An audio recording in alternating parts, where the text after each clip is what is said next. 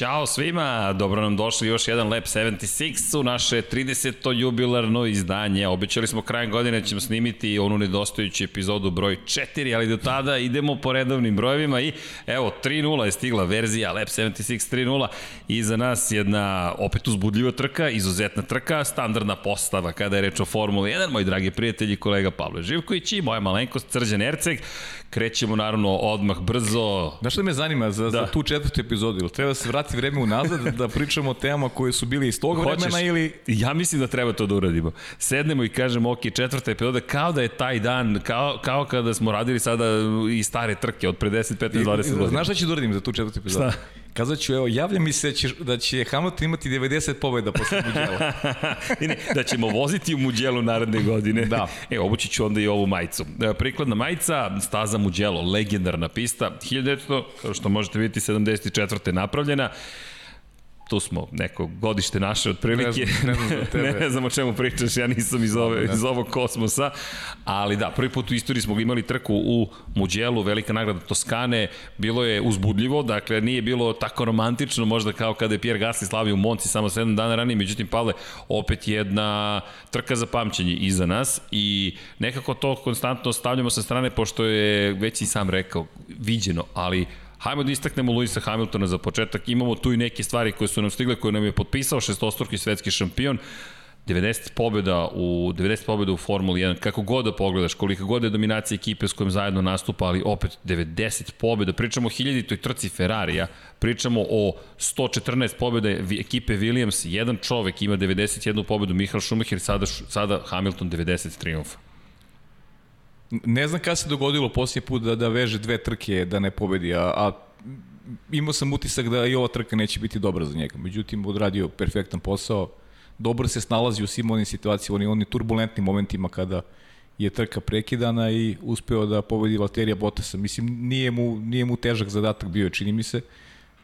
O taj duel... Negde, negde je trku, čini mi se, odredilo on, onaj početak kada je imao probleme tehničke prirode Max Verstappen i kada smo izgubili Maxa, kao da smo izgubili nadu da možemo da dobijemo neku interesantniju borbu za pobednika. Jer Max je sjajno startovao, očigledno nije bilo snage u agregatu.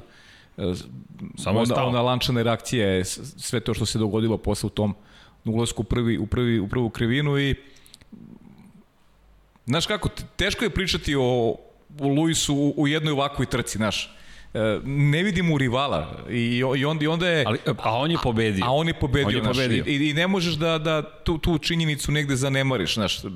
Gledali smo trku iz svih mogućih aspekta i njega smo zaboravili potpuno. I, a, i manje više to mi se ponavlja, ali, ka, kao da ga nema na stazi, znaš. To je, to, a to je za, zašto i pokušavamo nekako da, zašto sam i krenuo od Hamiltona. 90 pobjeda Pavla, kao da je to svakodnevnica. Kao da, je, da, kao da je najnormalnija stvar. Kao da, da se ne događa nešto istorijski u ovom momentu u Formuli 1, već kao da prisustujemo nečemu što smo najavili kao što i jesmo još prošle godine i pitali se kada će doći do 91. pobede, a ne da li će doći i to odsustvo neizvesnosti kao da, kao da smanjuje, ne, sma, ne umanjujemo vrednost toga što će postići, ne, ne, ne. ali evo plastično pokušamo da istaknemo da, Nije on kriv što, što su stvari takve kakve jesu znaš, ne, ne utiče on na, na stanje stvari u Ferrari, u Red Bullu, ne utiče Mercedes na stanje, ili, ili, ne, ili možda, možda i utiče. utiče. Čekaj možda, sad. Možda i utiče, da, da, sad kad malo saberemo, jedan jedan, ali, ali definitivno on, ono što treba da uradi na stazi, on to odrađuje sad. Da li bi to neko drugi isto tako radio, nikad nećemo znati vidjet ćemo da li ćemo živjeti u nekoj eri, ne znam, rivala koji će... u njegov, ili možda rivala u Mercedesu koji će e, biti to je, to je, To je taj segment priče koji, koji nedostaje. Mercedes nema, od kako otišao Niko Rosberg, birali su drugačije opredelenje. Rekli imaju, su nećemo to Bottas više. je prihvatio da, da bude deo tima koji će da pomaže Lewisu Hamiltonu, da on sam se stavi u službu Lewisa Hamiltona i to su već onako ispričane priče, ali E, ali opet, 90 pobjeda. Da, ali Znaš, kažete, sa, sa aspekta istorije opet e, ističemo, nisam siguran da, da mogu da zaustim da je Lewis Hamilton najbolji svih vremena. Znaš. I, I teško mi je da, da poredim e, te različite periode e, istorijata Formule 1. Znaš. Mi, mi pamtimo neke stvari ja ću uvijek reći da je to Ayrton Senna, ali to je samo moj lični stav, to je, to je subjektivni tome, stav. Jednostavno... To je subjektivni stav i svako vreme ima neke svoje junake ali ovo što radi Lewis Hamilton ne mogu da poredim ni sa jednim drugim vremenom zato što možda se neko ne služi, ali dobar deo ove njegove, da kažem, dominacije koje, koje ima na, na, na svetskoj sceni, koje ima u bojama Mercedesa, on nema rivala. Znaš, i ali, to, je, to je ono što manjka meni, makar u celoj primu. Mada opet kad vratimo taj period, fer, nije, imam ni Mihael Šumacher unutar garaže rivala, ali ima ih i u drugim e, ekipama. To, ali to, to, hoćete, to sam baš teo da kažem. Dakle, nekako bih volao da skrenemo malo i, i pažnju na, na, i na Red Bull, i na Ferrari. Ferrari je odvezao hiljaditu trku. Hiljadita trka legendarne ekipe. Na trenutke proći ćemo ceo muđelo. Samo što se tiče rezultata, na kraju trke u poenima su Sebastian Vettel deseti, na poziciji broj 8 Charles Leclerc. Dakle, to ne može da bude rezultat kome teži Ferrari. U trci gde je 12 vozača završilo... Gde je 12 vozača on Oni završilo. Oni su 8 i 10. Oni su jedva ušli u poene. I to je, dakle, kada govorimo o Hamiltonu, rekao bih, dužni su mu i Ferrari i svi ostali da budu bolji pa da vidimo zaista Jeste. kakav je odnos snaga. Da, Ferrari imao dominantnu eru na početku milenijuma, teško ih je bilo sustići, ali opet uvek je to bio Mika Hakinen, uvek je to bio Juan Pablo Montoya, na primjer, bio je neko, Kimi Raikkonen, pa Fernando Alonso se pojavio, pa zaustavio tu eru, ali doći do te titule je bilo vrlo teško za, za Ferrari. Tek posle pet godina saradnje su Michael Schumacher i Ferrari došli do toga i opet je trebalo pobediti Hakinena i McLaren. Mi sada ne pričamo o tome da je potrebno pobediti nekoga. Nema te vrste neizvesnosti. Nema, pa pogledaj ove godine kakve su bile, koje su trke bile interesantne. Samo one u kojima se dešavalo nešto nepredviđeno na stasi. I pogotovo za Mercedes. Pa, znaš, da, da, pucanje gume, pucanje gume ali dobro problemi s gumama. Tako je, general, i neulazak promaši Luisa Hamiltona, signalizacija prilikom ulazka u pit lane i tako dalje, tako dalje. Dakle, u nekim, u čistim trkama Mercedes ima prednost ogromnu, dakle, zaista ogromnu u odnosu na rivale, pa čak i na taj Red Bull koga gledamo kao najveći rival. U stvari, kad kaže Red Bull, pre svega mislim na Maxa Verstappen, pa da. međutim, Max je tragičar ova prethodna dva vikenda, Italija mu se očigledno nije posrećila, dve nezavršene trke, sada je baš onako uh, kaska za poenima u odnosu na Bottasa, kamo na Hamiltona i 80 poena zaostaje za Hamiltona. Pa da, otišla je onako je sezona, ide u jednom smeru. Mislim, to se dalo naslutiti već na samom početku, ali eto imamo to sad i u brojkama. Da, ali kad pogledamo rezultate, samo da prođemo. Lewis Hamilton prvo mesto, drugo mesto Valtteri Bottas. Još jedna od beskonačnih dvostrukih pobjeda Mercedesa. Najbrži krug, pol pozicija Lewis Hamilton. Nije vodio celu trku, pa nema taj čuveni Grand Slam. Valtteri Bottas standardno već drugi. Da, da, nije uzeo ni pol, uzeo je pol Valtteri. Valtteri je bio na drugom mestu. A na drugom, izvini, da, Hamilton. Hamilton, Hamilton, Hamilton, da, Hamilton, pol da, pozicija. Izvini, jeste, jeste. Ne, ne, Valtteri je... Ne, ja sam rekao, ću uzeti Valtteri pol, pa mi to uglavio. Izvini, ali... Da, da, izvini. ali taj, to, to, to, to sam bio precizni. Ali, ne, ali Valtteri, ne, Valtteri u stvari dobro startovao. Tako Valtteri je, Valtteri je dobro startovao. Da, ali... Znam da je nešto uradio Valtteri, to sam zaboravio. Pazi tu ironiju. Znam da je nešto uradio. Da. Znam da je nešto uradio. A to nam je opet tema koju ćemo se pozabiti samo da prođemo kroz rezultate i onda ćemo i sve to da izanalizimo. Alex Albon, prvo pobjedničko postoju u karijeri. Fantazija. Četvrti, Daniel Ricardo. Malo je nedostajalo Renault da se popne na pobjedničko postoje. Peti, Sergio Perez u osvetničkom vikendu, pošto je ostao bez ugovora, to je tema koju smo otvorili prošle nedelje i rekli, vidiš kako se sve stišalo, evo, dotaći ćemo se upravo sada, šesti Lando Norris, sada već standardno dobar McLaren, konstantno osvajaju poene, iako nismo to nužno očekivali ovde, Dani Kvjat, druga trka za redom osvaja bodove, sjajno za Dani Kvjata, Charles Leclerc, rekli smo osma pozicija, Kimi Raikkonen, prvi bodovi ove godine za Kimi Räikkönen koji sjajno vozi, prosto je problem u Alfi i ta deseta pozicija Sebastijana Fetela, ok, George Russell, Roman Grosjean prošli 11. i 12. kroz cilj, imamo i tu priču, međutim, eto, čisto da, da prođemo kroz rezultate, kada govorimo, međutim, eto, planski smo krenuli od, od Luisa Hamiltona, inače još nismo smislili kako ćemo da podelimo neke od ovih stvari. Neke stvari ne delim. Imamo malu repliku Kacige, to je čisto za sada ukras, imamo i repliku Bolida od, od prošle godine, dakle, Racing Point je u pitanju ovogodišnji, ali šalo na stranu, dakle,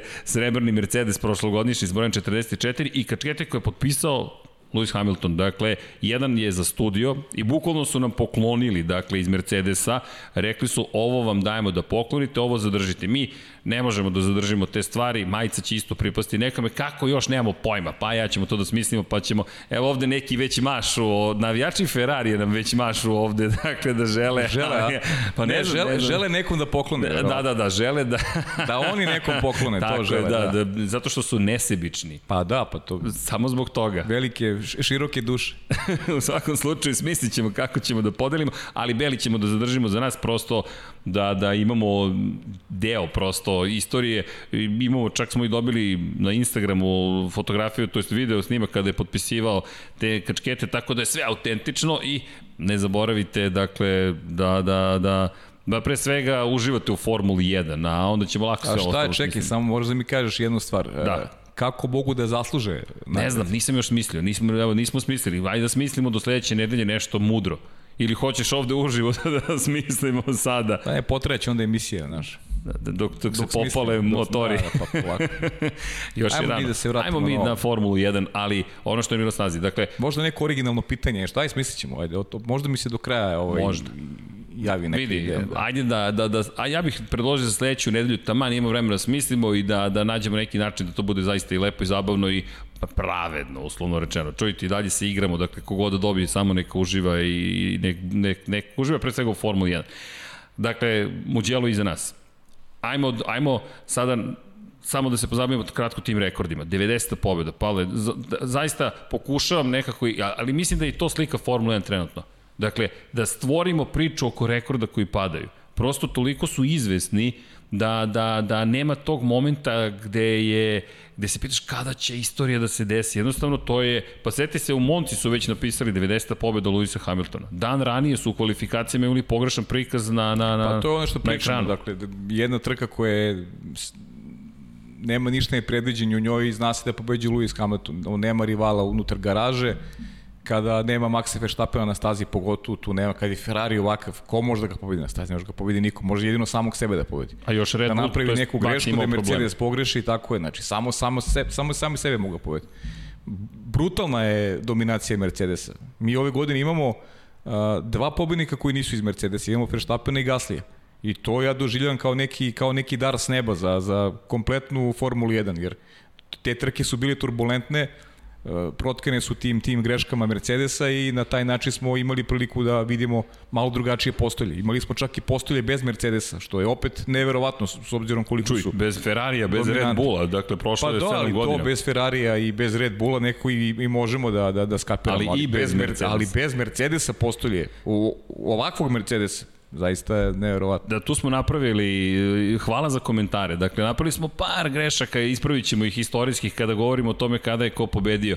Dakle, vratili smo se na 2012. Međutim, imali smo i Lotus na početku 2013. kada je reč o, o situacijama u kojima slavi jedan vozač koji ne pripada zapravo ekipama koje smo spomenuli, dakle da, da, najčim ekipama, da, da. ali to su lapsusi, ne zamerite, dakle, kada se vratimo u 2012. mi imali smo četiri pobednika u Renault, dakle oba Red Bullova vozača Mark Webber i Sebastian Vettel, slavio je Kimi Raikkonen, Roman Grožan nije te godine, 2013. imao onu šansu u Hungaroringu i o tome smo pričali u, komentarima, ali smo imali i pastora Maldonado Williamsu. Dakle, da, kada se vratimo na tu godinu, 2012. Dakle, pre 8 godina imali smo zaista mnogo uzbuđenja. 2013. smo međutim imali taj poslednji moment kada se desilo da, da nemamo tri vozača, to je predstavnik jedno tri najmoćnije ekipe na pobjedničkom postolju ali Mugello nas je nekako vratio nazad u... Da, u realnost, da. Pa, Prosto. vratio nas u realnost. A bilo je uzbudljivo, bilo je svega. Pa bilo je super trka, ali... ne, sam, kad e, ne pratiš ono što radi Hamilton, sve ostalo je bilo super. Sve ostalo je bilo, imali smo... Formula 1 i Formula 1 i Mi smo imali, tri, imali smo tri starta u jednoj trci. Da, imali smo tri sta, iz mesta i jedan leteć. Tri starta u jednoj trci, što je za, zaista sjajno i, i, i u tim situacijama negde na, na stazi koja je nepoznata većini vozača, ti negde tu može da vidiš uh, kako i ko, I zahtevna staza. Tačno, po, pogotovo od ovih mlađih vozača koji tek nemaju iskustva. Meni je bilo uživanje, a pričamo, verujem, malo u Formuli 2, u Formuli 3. Ko te oduševio u Formuli 1 da kažeš ko ti, da, da, od celog vikenda ko ti je odvezao trku da kažeš ok, ovo je trebalo da bude ili jeste rezultat koji je adekvatan? Pa meni je Ricardo definitivno vozač dana. Meni su Ricardo i Russell. A, a vidiš, meni, meni, meni Russell nije. A... Ja Rasela ne, ne stavljam u grupu vozača koji su mi nešto zadovoljili. Rasel, pogotovo taj posljednji, onaj restart kada je izgubio pozicije. Pazi, od 12 vozača on nije, nije među tu, tu više nije imao ni šansu. Čak i da. Vettel rekao, gledao sam šta radi, i odradio je 7% zaslužio bodove, ali nije imao šansu na kraju više. Da, ja, ja, mnogo ga, znaš da ga mnogo poštujem, znam, znam. stvarno verujem da, ali u ovoj trci mi nije me, nije me oduševio realno. Ricardo mi je odradio perfektan posao i, i, i Ricardo je zaista fantastičan vozač i jeste kalibar da bude šampion ali je neko ko sledeće godine mora da iskoristi posljednju šansu. Albon je odradio dobar posao. Mislim, čim je na postolju jasno je. Vidi, prvi put da. u karijeri. I isto su mu se otvorile neke stvari, ali naravno to je život, to je sport. Pa dobro, prošle put su se zatvorile. Pa dobro. na prvoj treći sezoni su mu se zatvorile, pa, da. bukvalno, Luis mu je Ali zatvorio. nije bio blizu Hamiltonovog puta. To je sreća pa. za njega. Da. pa, to je sad opšta šala. Njega, dakle, u dva navrata ga je Hamilton eliminisao sa staze sa pozicije koje dovodi do pobjedičkog postoja u Brazilu prošle godine i ove godine u Austriji. Da. Na prvoj I, I imaš sezoni. recimo, imamo trojicu junaka iz prošle trke koji su ove godine, ove, ove nedelje bili tragičari. Pierre Gasly. Pierre Gasly, Carlos Sainz i Lance Stroll koji na kraju mogu da se bori ponovo za postolje ali Lance Stroll grešku. je super prošao. Čak nije napravio grešku pukla mu je guma. Pukla guma pukla bravo da, guma, da, pukla, je guma, pukla guma ali, ali moram ti priznati da je moj utisak posle tog incidenta Lance e, bravo, Stroll. Lance Stroll da ti kažem Lance Stroll u stvari e, bolji utisak o njemu u Muđelu nego, nego u Monci. Nego Monci. Da a nije došao do cilja. Ali opet šta vam pokazuje mu djelo? I pričali smo to, 74. godine je sagrađena staza. Staza je pravljena, to je Ferrarijeva pista. Najviše se koristi za motociklizam, ali nije to planirana staza da bude hram motociklizma. To je jednostavno staza koja je napravljena planski, nalazi se 20 km od Firence, napravljena je da bude namenski objekat za trkanje, međutim ono što se desilo je da je stvorena prava magija. Dakle, nekoliko stvari je dopreno tome da mu djelo postane magičan. Prvo, pista je spektakularna. Topografija samog terena je takva da je fenomenalno. Idete na startociljnom pravcu pravo, pa blago skrenete desno, pa morate nazad levo, pa uz San Donato, pa imate dve šikane, pa se penjete uzbrdo, pa se onda stuštite iz Kazanovu se veli, pa uzbrdo i Arabijata 1-2, pa opet gore se, se, imate S krivine, pa idete ka Korentaju, pa Biondeti 1-2 i onda 15. krivine, samo kad se ovako rukom iscrta, staza koja se pamti, osjeća se nekako po srcu. I onda dolazi do toga da se tamo od, od, od, održavaju fantastične trke, objekat je prilično u dobrom stanju, dolazi era Valentina Rossi u Moto Grand Prix, postaje to nekako hram svega što se dešava u MotoGP-u, dolaze italijanski sponzori, opšta ludnica, mnogo novca u tom trenutku, još pride Firenca u sred leta i sve to doprinalo jednoj popularnosti Muđela na, na, na, na utrkama na dva točka. Međutim, Formula 1 nikad nije došla, osim na testovima, do toga da, da u kalendar stavi Muđelo. I ove godine, da bi hiljadite trka Ferrarija bila na telu Italije, i zvala se velika nagrada Toskane Ferrarijeve hiljadite trka, dobijemo Muđelo, i vidimo kako bi mogla da izgleda Formula 1. Ali jedan sjajan komentar je bio na Twitteru ili, ili na YouTubeu, imamo ovde bolid, repliku iz modernih bolida. Ovo su mnogo veliki bolidi dugački su, široki su. Kada je Mick Schumacher izašao u bolidu iz 2004. očevom i vozio tokom ovog vikenda, gledaš koliko je to manji bolid, koliko ta staza bi u nekom drugom vremenu bila još zabavnija. Ali lepo si rekao pravi test i zašto sve ovo pričam? Pa baš zahvaljujući ome što se desilo Strolu. Stroll koji je sjajno vozio, puca guma, nemaš gde da otklizaš i skoro ništa ne ostaje od bolida. Ne znam, je bilo neki komentara tokom prenosa da, da ova staza nije za ko je rekao Casey Stoner da Casey nije Stoner, staza da. za ne slažem se uopšte sa Casey. To je isto kao kad bi stavio ja sam opet dobio jedan drugi komentar, pa nije ni Red Bull Ring za motore. Da slažem se. Dobar dobar znači, dobra replika. Mislim, Ali tu se i Casey na, slaže da nije. da nije najbolja, za najbolja moguća replika, a smatram da je i Red Bull Ring za motore i da je ovo za Formula 1. Imali smo jednu super trku, kažem, kad, kada uh, ima neki staza vodi, stvarno ne želim da ih imenujem, ne bih ih gledao uopšte. Znači, iskreno ti kažem, kad se bliži vikend, baš mi nešto nije neki... Ja znam, nije mi okolnosti, da, znam koje su trke u pitanju. Nikako mi nije zadovoljstvo. A ovo je stvarno super.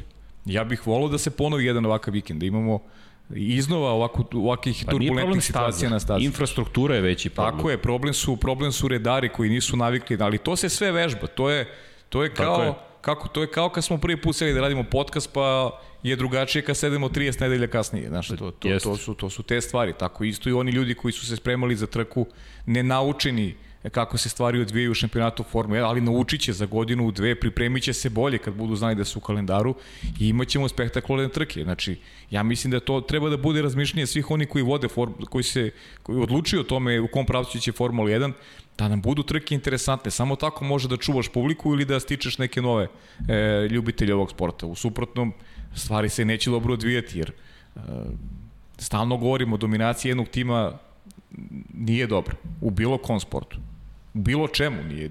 dominacija pa, nije dobra. Kako ti je izvesno već na početku godine šta će biti na da, kraju tako godine. pa nije ti interesantno gledaš uopšte. Ali čak, čak bih rekao nešto drugo. Makar i da je, i ako je izvesno, možda konačni ishod ako je izvestan, ali način na koji će se doći do tog ishoda. Kažeš, ok, ovo je favorit, teško će ga neko pobediti, ali da dođemo u situaciju da ga je nemoguće pobediti ili da, da sve izgleda suviše lako, čak ponekad i ne znamo koliko se trude niti Hamilton, niti Valtteri Bottas. Da, ali pogledaj šta je ovo radio Hamilton bi došao do pobede.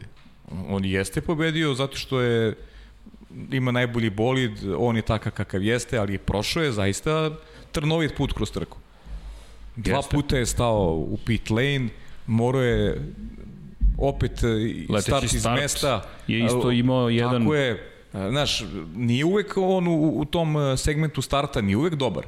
Znaš, mogu je da napravi neku grešku, mogu je da izgubi pobedu zbog, zbog prekida, ali nije, odradio je posao kako treba, ali je prošao kroz neke iskušenja i, i sad, znaš, o, ono njegovo stalno je uf, kao kakav, kakav smo posao, drama, kakav smo posao odradili, sad stvarno ima, imam razumevanja za tu vrstu priče, jer stvarno je trka bila turbulentna. I duga i, znaš... I zahtevna staza. I, tako Koliko je. god se to ne videlo, zahtevna je zahtevna, pa mnogi vozači nikad nisu imali priliku da vozu na toj stazi a staza zahteva u, veliku preciznost. Ne, I ono što je meni bilo fenomenalno, jeste to što nismo imali e, istrage kada siđete sa staze. Zašto? Pa zato što ako odete još jedan centimetar levo, to je kraj. Jeste. Kačite Odiš šljunak. šljunak i gotovo, nema završeno. povratka. Nema povratka i, redar, i direkcija je rekla nećemo se time baviti. Zašto mi se to dopada? Zato što su ih rasteretili. I rekli im, ok ljudi, vozite najbolje što možete, nemoj da se bavite zelenom površinom ili ivicom staze, već se bavite time da odvezete najbolji krug. A ukoliko pogrešite, kazna već dolazi sama po sebi. I to je po meni mnogo lepše rešenje. Da, ima tu sada načina da, da povećate bezbednost, da možda asfaltni deo bude kasnije, posle šljunka, da uvedete koliko je moguće, naravno da, da odbojne ograde zapravo postoje tamo, da se ne nalaze samo gume, ali uh, Sad već pričamo o, o nečemu što smo spomenuli malo pre, to je infrastruktura. I to se unapređuje. Radi se na obuci redara i ono što je dobar predlog, ne znam koga je dao, ali da postoji stalna ekipa redara ili stalna ekipa ljudi zaduženih za uklanjanje bolida na svim stazama i prosto neke procedure koje moraju da budu napređene. Činjenica, ovo je specifična godina, prvi put u Muđelu, ali eto, to je neki, neki, neki moment na kojem može, može zaista ozbiljno da se poradi u, u Formuli 1 generalno. A što se tiče Muđela, ja moram ti reći da se nekako podeljen. S jedne strane, samo se plašim da ne naprave neravnine na, na, na, na, na, na tačkama kočenja. Dakle, šta se događa kad boli do Formula 1 dođe na stazu?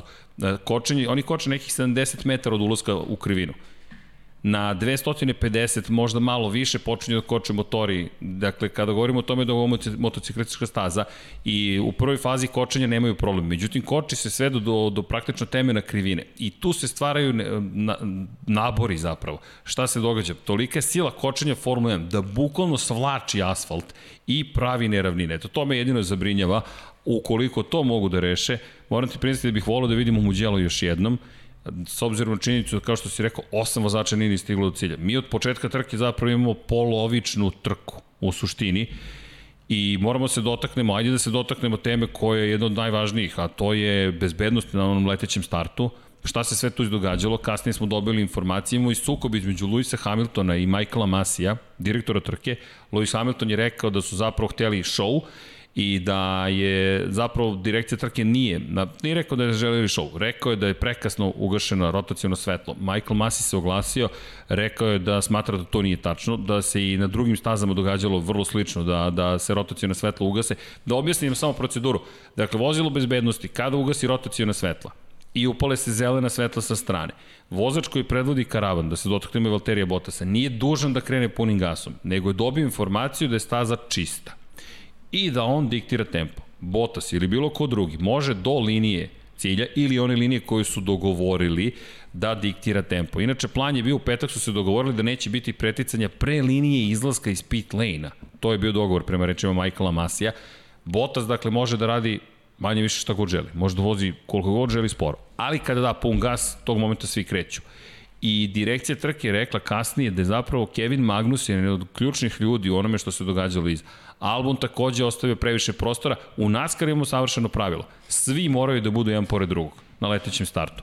Nema odvajanja. Ne možeš da ti napraviš sebi brisani prostor da bi imao ubrzanje, nego se držiš, ovde se to nije desilo i pa kada smo pogledali kasnije, zapravo vozači u sredini karavana su napravili karambol. Nisu pratili tempo vodećeg, nego su neki svoj tempo jurili i onda su prevarili one iza koji su potom dali pun gas i sa skoro 270 km na čas ne, stigli. Mislim da je nemoguće naći krivca u toj priči. Ne tražim ni krivca, samo kako da se pa, napredi ko, ko, da, bezbednost. To da.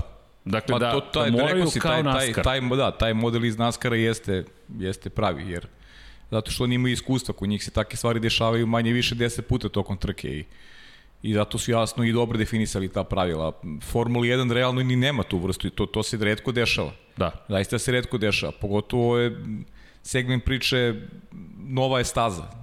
Igra važnu ulogu u onome što se dogodilo. Pa taj ugao ulaska, startno ciljni pravac i silazak niz isti takođe, znači e, šta je meni bilo ključno u celoj priči, podsjetio me mnogo na incident na, na onom, onaj MotoGP koji ste radili, više sam zaboravio koja je trka bila kad je onaj dečko udario u, u drugi motocikl i u Austriji to je skoro bilo u Austriji. Hafiz Šarin. Pa to je da. to je momenat kada kada Latifi se sklanja od Magnusena, odlazi u levo, a Giovinazzi na, naleće pravo na on Jest. uopšte nije video, on uopšte ne zna da se ispred Latifije nalazi neko. Da. Uopšte nije mogao to da vidi. On se zakuca u punoj brzini u, u, u Giovinazzi, u ovoga, u Magnusen.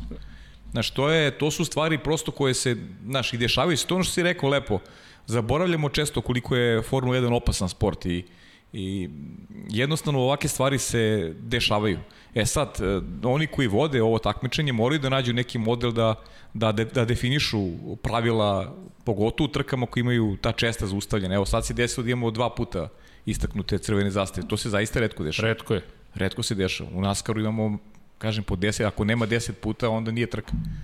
Da, NASCAR je drugačije. Definisan je drugačije, znaš. Drugačije se stvari dešavaju. Ali sve je ovo posljedica onoga što smo rekli, nova je staza, a vrlo je zahtevna. Pritom je i brza. I uska. I uska. I treba, treba vremena da se, da se naviknu vozači. Ja bih volao da ostane, kažete, u kalendaru. Ne bi se ovake stvari ponavljali svake godine, ali bismo imali dobre trke. Znaš, to je, to je meni suština Vid, cele priče. Ti znaš koliko sam ja da čekao Muđelo. Ono što je meni najjači Ja nemam jeste... to iskustvo koji ti recimo uz Muđelo. Zaista ne gledam sa pažnjom MotoGP, zavisi ono kako mi se namesti situacija. Baš ne gledam redovno. Potpuno je drugačija percepcija tvoja. Ali si sad vidio koliko je to zanimljivo, koliko je bolja staza od od mnogih u šampionatu Formule 1. Da, ti imaš potpuno drugi žao. pogled zapravo. Pa drugi pogled, ja imam novi pogled, kao, kao ti momci koji su vozili Znaš, koliko je bilo dobro gledati Formulu 2 i Formulu 3, moramo se dotaknemo i toga. Zaista su bile fantastične trke. Ostavljam ih nekako za kraj, ali činjenica je to bilo zaista Pogotovo, uzgodljivo. mislim, e, kad gledaš iz tog nekog menadžerskog ugla, recimo za te momke u Formuli 2 i Formuli 3, mnogi od tih momaka su pokazali koliko su dobri ili nisu dobri vozači upravo u Muđelu.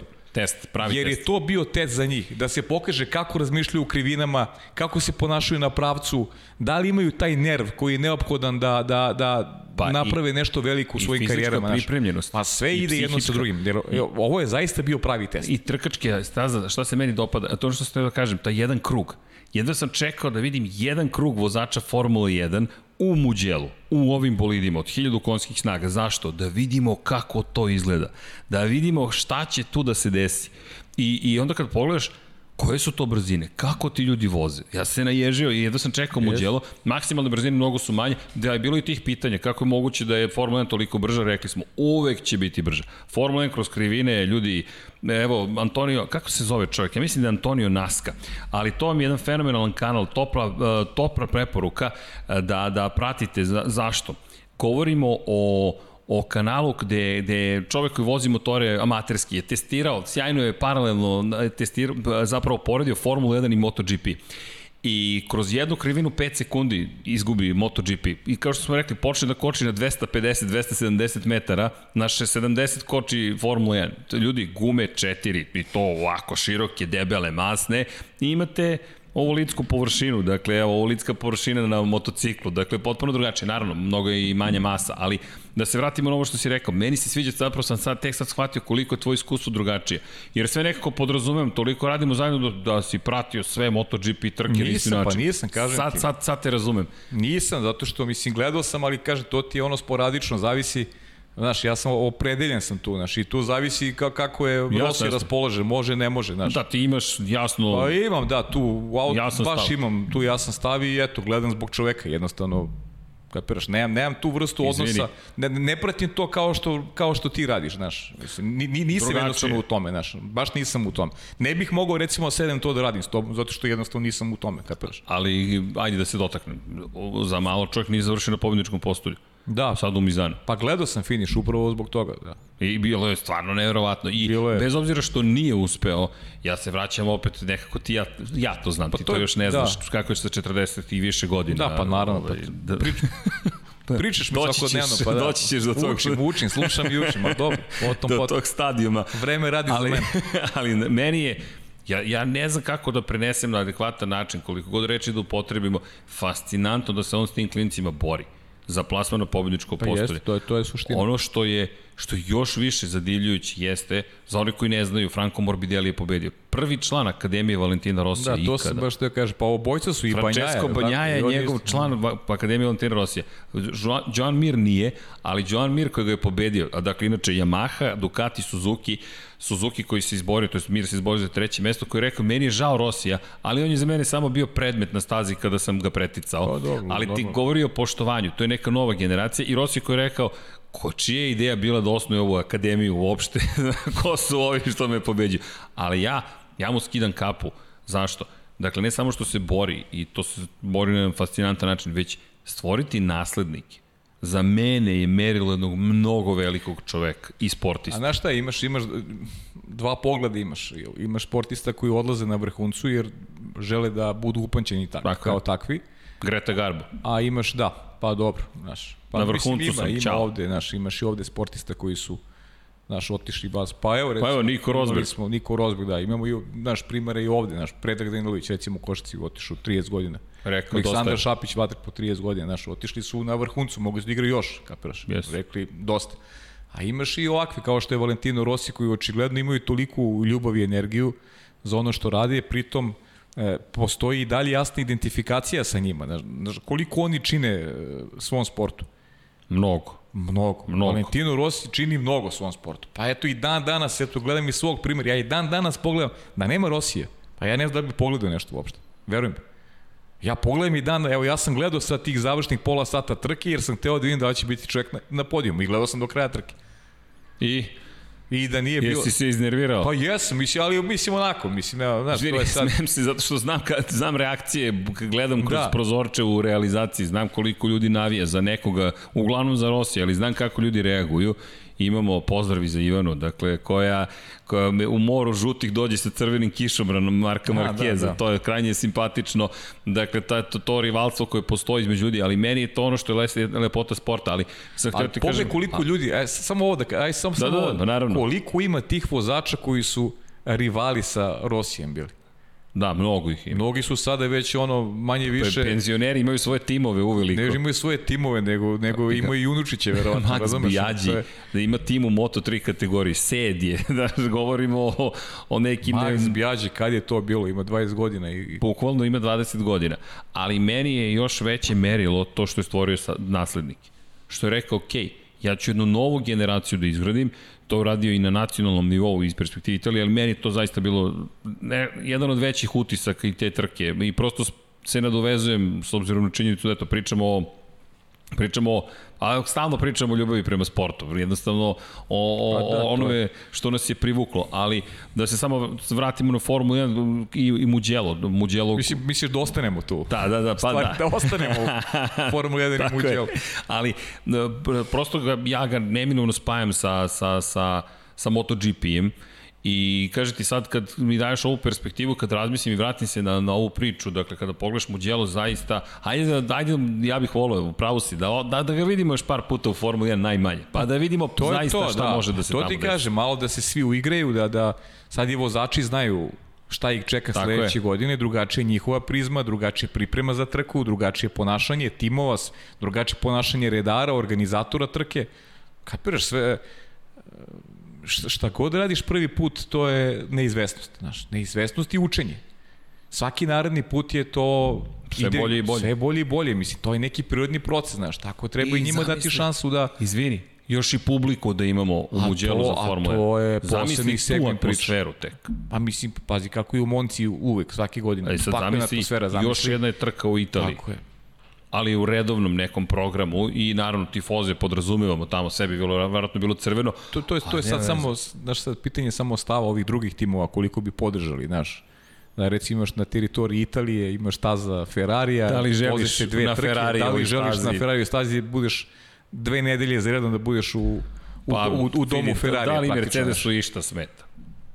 Ovako Mercedesu ne smeta, ali pričamo o nekim budućim vremenima, pričamo o 2022. Pa verovatno. Da, pričamo o 2022. Da. Naredne godine neće smetati ništa, verovatno. No ja mislim, pa dobro. Da se vodi cijela da... sezona u Italiji ne bi smetao. pa verovatno. Aj ne zaboravimo, imamo Imolu ove godine. Imamo Imolu, da. Imamo Imolu u novembru, to će isto biti interesantno. U svakom slučaju, Mugello, kako god, ipak, ok, ok, moram priznati da, da sam bio skeptičan i hteo sam da kažem, ne, treba da ostane motorima, ali u pravu si Treba, treba mu dati šansu. Kažete, najbolji treba mi je komentar u sred trke, neću da otkrivam, nije važno ko je poslao, e, sam dobio u sred trke, pa onda nije ni za motore Red Bull Ringa. Ali vidi, tu se i Stoner slaže. Stoner je protiv Red Bull Ringa generalno, ali, ali mislim da, da, da, da nije upravo ovoga puta. Prosto, ja mislim, ta klasifikacija, da, da, znaš, kao da nema potrebe jest, za nema tim. Potrebe, Tako da. je. To, to, to si baš lepo rekao, nema potrebe za tom vrstom podele. Uh, Kada govorimo o Muđelu, Botas nekako standardno svoj. Samo da prođemo, ne bih se dugo zadržavao na Botasu, samo jedan, jedan važan moment. Prvi start odličan, pretekao Luisa Hamilton. To je bila njegova šansa. Drugi start leteći problematičan, ne Botas, problematičan generalno za sve. Botas je uradio po pravilniku sve što je njegovo bilo. Ima tu još par stvari da, da kompleksne su uvek, koliko god jednostavno kompleksne su. Dakle, na vrhu brda su poslednjeg, pre nego što se spustio na startno ciljni pravac.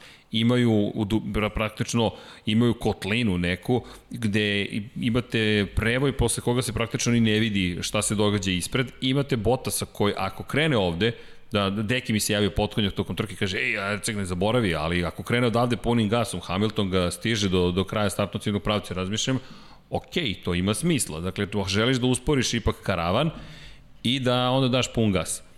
Bottas je uradio naj, bolje što je mogu u tom trenutku. Da se vratimo, dakle da su svi pratili taj tempo, nemamo nikakav problem. To se ne događa. Stajeći start, broj 2, Bottasa nigde nema, Hamilton odrađuje svoj deo posla. Ja ne verujem da ga je Bottas pustio, dakle želim da, da verujem da nije. Ja ne želim Prosto, da verujem.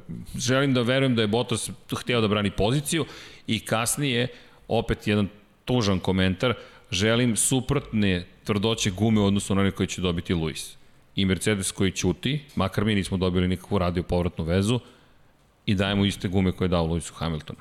Dakle, Pa mislim, komunikacija, potpuno generalno čovjek. je komunikacija, meni, znaš kako meni zvuči sve, e, da Bottas zna u koji ulozi, zna šta je prihvatio, ali pokušava da e, javnosti stavi do znanja kako se on ipak trudi. Kako on hoće da bude drugačiji. I verujem da su te insajderske informacije koje imamo dobre. Da je tu došlo malo do razmimo ilaženja. Da to više, znaš, da nisu više nisi talesnim dužinama, makar u smislu neke njegove reakcije. Da reakcija stvarno i postoji. I ja sam gotovo siguran da Valtteri Bottas narodne godine, mislim da je ovo sada malo i okay. hrabra izjava, ali mislim da Bottas neće narodne godine voziti za Mercedes. Ali vidi... Da će tu doći do promene da će, da nije ni Mercedes do kraja zadovoljan, trenutno onima što, što pruža Valtteri Bottas, ali da i Bottas počinje da pokazuje da je to osnov svega. Da Bottas počinje da pokazuje neko nezadovoljstvo. Rekao bi da se to vidi negde i po njegovim reakcijama, uh, svesta negde da ga ljudi više, da ga ljudi doživljavaju kao Mislim, i keban. Da si, da si savršeno opisao, da, čekao da. sam, dajte. I znaš da. šta, Čekaj sad malo drinking game, hidratacija za sve nas. Vanja, znaš šta treba da nabavim? Ikebanu, stvarno Ikebanu.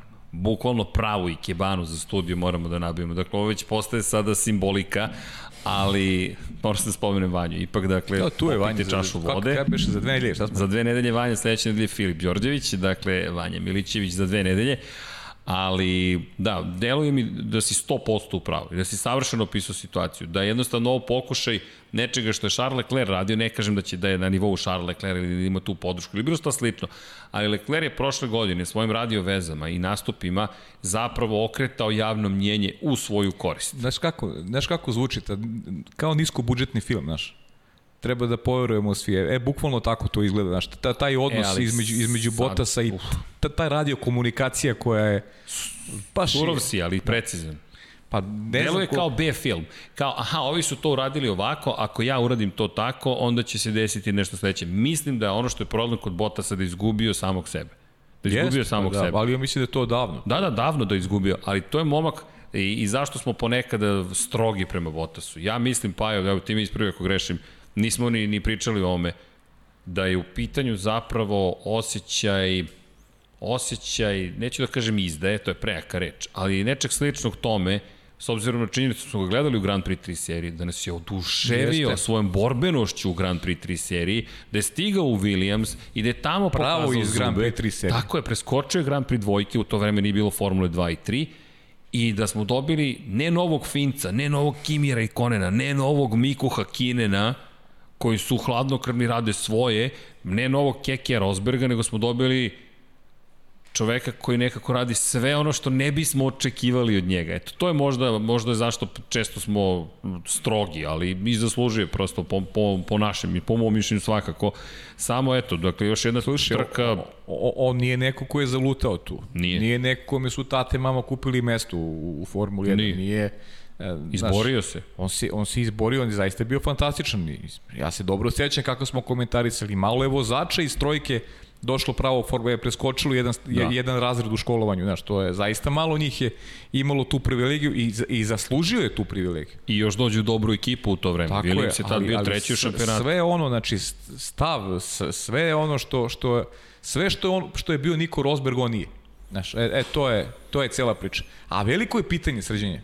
Jest. Veliko je pitanje da li je Niko Rosberg bolji vozač od Valterija Bottas. Ne, ne, ali, a, Pitanje je samo stava. E sad, e, Znaš, sad dolazimo do kompleksnosti i karijere jednog vozača. Tako dakle... je, a pritom, mislim sad idemo, idemo, idemo sad do drugi neki segment priče. Niko Rosberg ipak imao nešto iza sebe u tom Mercedesu. Pozicije. Znaš, on, on je tu bio uz Mihajla Šumahera, pa je pa se pozicionirao dobro. E, e ljudi koji su ljudi koji su mu verovali. Rosberg. Tako je, ljudi koji su mu verovali, ljudi koji su bili na njegovoj strani, ljudi koji su ga podržavali u tome da on napadne titulu uh, boreći se sa, sa Lewisom Hamiltonom. Pa, pa znaš šta je pričao i sam, koliko, mu je, koliko je vodio te e, psihološke borbe, koliko je pokušavao da uđe u, u, u glavu Luisa Hamiltona, znači o, o, on je bio maksimalno fokusiran na jedan cilj, da osvoji šampionsku titulu. I to je postigao. I to je postigao. Sve ono što Valtteri Bottas nije ni pokušao.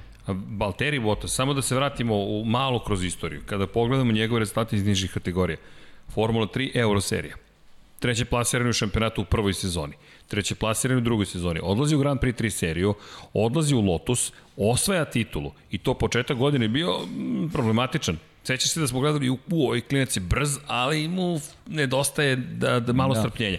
I onda pobede, pobede, pobede, pobede titula, Pap prebačen u ekipu Williamsa kao probni vozač, 2012. testirao. Na svakoj skoro trci je on vozio prvi trening. Pripremali su ga za Formula 2013. stiže i počinje polako da gradi. E, dolazi do 2014. godine koja je bila baš dobra, četvrti bio u šampionatu u Williamsu. To danas zvuči ne, nemoguće da budeš četvrti u Williamsu. Dakle, nije to dečko koji nije ne zna da vozi. I zato smo toliko strogi, međutim, vraćamo se sada u, u, u 2020. gde on nekako slabašno želi da, da, da, da se izbori za svoje mesto pod suncem, ali kasno je. Potpisao si ugovor, prihvatio si svoju ulogu, evo idemo u Rusiju. David Coulthard je po meni bio ciničan. Kada ga je pitao u Rusiji dobro voziš. Da, u Rusiji je ostvario prvu pobedu u karijeri. U Rusiji je poklonio pobedu pre dve godine Lewisu Hamiltonu, kojemu nikad nije vraćena. Da. Nikad mu nije vraćena ta pobjeda. I to nije uh, usput, ne, nego se sklonio Luisu i rekli su, pa zar nije prerano da mu poklanjate pobjede? Mercedes je rekao za svaki slučaj, Vettel i Ferrari su suviše jaki, ne želimo da rizikujemo. Ok, hoće li mu vratiti tu pobjedu? Lewis Hamilton, ili Mercedes. On je čovjek bukvalno poklonio pobedu, da se da, da, da, da, da ne ismo slepi pored očiju. I onda ga Kultor pita da sjajno voziš u Rusiji. Meni to možda mu vrati kad dođe Hamilton do 92. pobede, pa možda mu vrati posle toga. Da, i sad to pitanje, dakle... Neće to desiti nikad, naravno, šalim pa, se malo. Ja, iskreno, znaš šta, me, znaš šta mi daje neku nadu? Daje mi neku nadu da da Hamilton, pošto mu je vratio onu poziciju u Mađarskoj takođe pre dve godine u trci. Znao sam da će to da kažeš. Da će se jednom momentu reći, ok, čekaj, dugujemo ovom čoveku jednu pobedu. Bukvalno, ja se nadam da će se to desiti, jer meni je to isto oličenje, ako se priča o, o, o onome što se desilo na stazi, Bottas je tad pobedio. Ali možda ja samo želim da isterujem neku pravdu koja ne postoji. Pa ne, ne postoji, da. Ali Biću direktno. želim, da. I, i da Sportska pravda ne postoji. Pa moraš se izboriš za nju, ja bih rekao. I to je ovo što čini se da Bottas pokušava, ali nekako prekasno. I ako je tačno da ga neće biti naredne godine, znaš koju mi temu otvara? Iako treba da dođemo do Albona kao poziciju broj 3, ali pre njega, Pavle, pre, rekli smo prošle nedelje kako se utišala priča o Racing Pointu, Aston Martinu i Fetelu i bum, utorak smo objavili Lab 76 broj 28, u četvrtak Sebastian Vettel, potpis, trogodišnji ugovor. Prvo, Sergio Perez izdaje saopštenje za javnost i kaže samo ti kažem, razilazimo se. Bio sam glup, mora priznam. Zato što sam pomislio da je takav scenarij moguće da se dogodi sada, u stvari prošle nedelje, jer je prošlo mi kroz glavu, a samo nisam izgovorio. Zbog treće pozicije Lensa Strola. Da, to, to ti ja imamo različite bio, bio motive bio sam Aston glup, Martina. Bio sam, meni je to motiv. Stroll... I, I zaista sam to pomislio. Kada, kada je Lance Stroll prošao kao, kao, kroz cilj kao treći, pomislio sam da to možda bude ukidač. Da to bud, može bude moment kada će se dogoditi promena koja se dogodila. I upravo ta promena. Sebastian Vettel umesto Sergio Perez. Mislim da je pažljivo biran i izabran moment. Na mesti, okolnosti su se sklopile onako kako je odgovaralo Lorenzo Strollu. Njegov sin na podijumu, par dana kasnije, on obelodanjuje da dolazi Sebastian Vettel da ima više Sergio Perez. I to je to. Zapušio, znaš, zapušena usta svima. Ja sam možda, možda sam sad ja ciničniji od tebe, ili ciničan, a ti nisi, ali mislim da si prestrog prema sebi, ali ja sam ubeđen da je Aston Martin, zajedno s Mercedesom, svojim partnerom, i Sebastianom Vettelom, sada budućim bivšim vozačem Ferrari je rekao Ferrarijeva hiljadita trka, sve treba da bude u znaku Ferrarija, boje iz prve trke iz 1950. godine, evo nam, evo potpisa, I šta je glavna vez danas? Sebastian Vettel prelazi u Aston Martin. Dakle, Aston Martin kao brend odjednom je svugde. Sad, ovo mi moram priznati, nije mi palo na pamet ovo što si rekao, ima smisla, ali moje ubeđenje da je zapravo ovo bio prst u oko Ferrari. Hiljadita trka, evo vam prst u oko. E, neće se pričati o vama. M ste u problemima. To smo polemisali to. Da, da, da, ali mi je super što imamo različite mišlje. Pazi, možda i kombinacija svega. Možda je savršena oluja, što kažu amerikanci. Da. Sve se skupilo na jedno mesto. Okej, Lance je treći, Ferrarijeva hiljadita trka, ja želim prst u oko ovde, a ja ovde želim da kažem, to jest želim prst u oko ovde, a ovde želim da kažem da je prosto Lance bolji ove godine i tu je kraj priče. Kako god pogledaš, u četvrtak se pričalo da trka nije bila tako čudna sa svim mogućim problemima i odustajanjima i stanjima i, i herojima i, i, i možemo reći gubitnicima, možda bismo do sad već zaboravili, već je kao nešto što je ad acta stavljeno, u Aston Martin ide, trijagodišnji ugovor je dobio, međutim Sebastian Vettel i eto, pričamo o tim vezama s Mercedesom, Mercedes snabdeva pogonskim jedinicama Aston Martin i možemo mi da, da, da okolišamo, ali nema potrebe, to, to, to je, ja verujem da je to kvalitet biti direktan. On je čovjek prešao u Mercedes na neki način. Pa da. Prešao u Mercedes na neki način. Pa i Mercedes je uvijek želeo ono što recimo Ferrari nije. Ferrari je uvijek neko beže od italijanskih vozača, Mercedes je uvijek želeo da ima da, nemački vozači i tako su i krenuli sa Nikom Rosbergom i Halom Schumacherom. Znamo koliko se pričalo o Sebastian Vettel, ja ne bi me čudilo da Sebastian Vettel na kraju bude i deo Mercedesovog tima. Pazi, trogodišnji ugovor. 2021. To se lako, to se, to se lako rešava. Videli smo kako, koliko su ugovori jaki. To se lako rešava. Da. Ali inače da. postoji ta tehnička saradnja nešto. Je. Izvini, ali ugovor. Kad su rekli ne možemo da otpustimo Lensa, a da, jer u ugovoru ne postoji klauzula koja bi nam to dozvolila. Da, to je baš smešno. Čekaj, to je, to je toliko besmisleno. Da, da, to je izjavio bez problema Otmar Schaffnauer i, i ostao živ. Da. Da, pričamo o cinizmu, eto, meni, meni teško to pada, ali zaista... Ali, ima je, bilo smo... je, da, bilo je mnogo tih stvari od, znaš, i ovo, ovo odustajanje Ferrarija od, od uh, daljih ovaj, od tužbe protiv, tužbe protiv Racing, Racing Pointa. Pointa. Podma Lorenz Stroll, eto, dokaz da smo mi čisti sad su svi potvrdili da smo čisti i tako dalje, tako dalje. I da čekam da se rasplete iza kulisa šta se sve desilo i ko je šta dobio, šta Jedno, je Ferrari jednog dobio. Jednog dana će se rasplete, pa da, tu je politika odigrala zaista ogromno. E, ako ništa drugo, makar su počeli da igraju te igre. I to im je nedostajalo. Se rekao si pa na početku to je tačno, da. da Mercedes ne utiče na druge. Pa, uticao je žalbama, pritiscima, lobiranjima. Jest. Možda je sad došao trenutak da drugi kažu čekaj, možemo i mi da igramo tu igru Ali, ali dok ne pobegnemo sa Sebastijana Fetela, Fetel ide dakle u Aston Martin Mercedes, za one koji su pitali Red Bull i Aston Martin završavaju saradnju ove godine, dakle ugovor se tu raskida što nas dovodi do još jedne stavke kada je reč Aston Martinu, Lorenz Stroll je rekao da želi da uloži dodatnih 100 miliona dolara i da dovede, gde može da uvodi? Uvede, samo da ne zaboravimo, budžeti su ograničeni naredne godine za tehnički aspekt razvoja bolida. Nije za plate. Dakle, je. Pa... plata. A koga želiš da dovedeš? A Adriana Njuja. Koga hoćeš dovedi, plati Adrian Njuj, to smo govorili tokom, tokom trke, navodno izbor najbolji mogući za za Lorenza Strola. Videli smo ga u momentu u garaži kada je sin imao incident, on je na stazi. I lepo si rekao kada sam uh, tu temu potegao da uh, je Adrian Njuj neko teži tim novim izazovima i ako mu uh, neki izazov predstavlja neki veliki motiv, svako može da bude Aston Martin i, i dolazak u ovu ekipu, da je bi imao naravno i mogućnost da a, možda i on povuče sobom neke ljude da a, radi neke druge da projekte neke druge projekte, staze. tako je i sve to sve to može da dovede do promene pozicija u šampionatu Formule 1 i opet dolazimo do te stavke opet Mercedesa, tehničke saradnje, izvučeš iz Red Bulla a, i takvo ime kakav je Adrian Newey, pa ti si ono stavio si im nož u srce. Srce si izvad, izvadio si im srce. Tako je, ni stavio nož, nego si izvadio srce. Izvadio bukvalno. si im, bukvalno. Znači, uništio si nešto se zove projekat nešto što treba Red Bull opet možda bude u budućnosti, a do, na dobrom su putu. A pazi, a, kada je Red Bull osvajao titule? Kada je Sebastian Vettel vozio i kada je Adrian Newey bio glavni čovjek za Jest. razvoj bolida. I ta njihova saradnja, koliko je negativno uticala negde na Ferrari, taj visoki rejk popularni, dakle kada je, evo imamo ovde bolid, Mercedesa činjenica, da li smijem da ga iskoristim, ajmo ovako ćemo, neću baš da ga odvejemo tla, ali do, prednji kraj dakle je niži, zadnji kraj je podignut. Kod Mercedesa ovde može lepo da se vidi, ovo čak i nije loša, odlična replika, dakle je sve prilično poravnato. Međutim, kod Red Bulla je podignut zadnji kraj mm -hmm. i želi tu stabilnost zadnjeg kraja. Ferrari ove godine pokušao silno da prilagodi razvoj bolida tome što želi Sebastian Vettel, nije im pošlo za rukom, osanjali su se u velikoj meri na, na snagu pogonske jedinice, ostali su bez snage motora, sve su izgubili praktično I Vettel sada ide u Aston Martin, dakle koji je inače mnogo bliski, dakle ovo je prošlogodišnji bolid Mercedesa i, i Racing Point tako izgleda. Vidjet ćemo sad Sebastiana Vettela u jednom drugom bolidu, de facto ćemo ga vidjeti u Mercedesu iz 2019. pa ćemo da vidimo šta može da učini, ili možda iz 2020. možda će se ta bliska saradnja, i, to je, ne izvinite, bliska saradnja, a,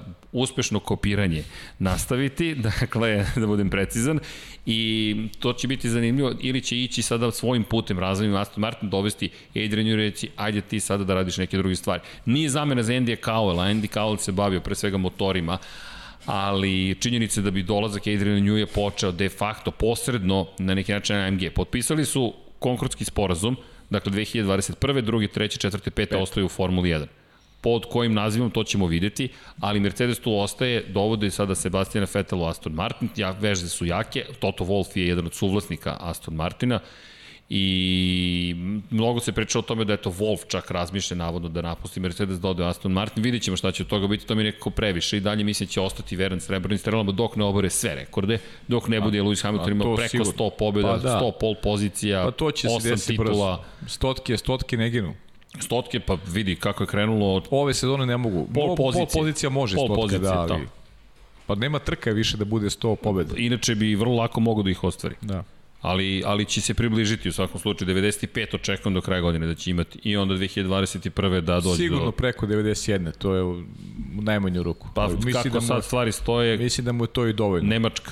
Delo je da će velika nagrada Eiffela, da Eiffelovih planina praktično biti ta možda Portimao, eto, možda Portimao, a ako ne, U, zamisli tu simboliku u Imoli da dođe do 92. pobjede. Uf.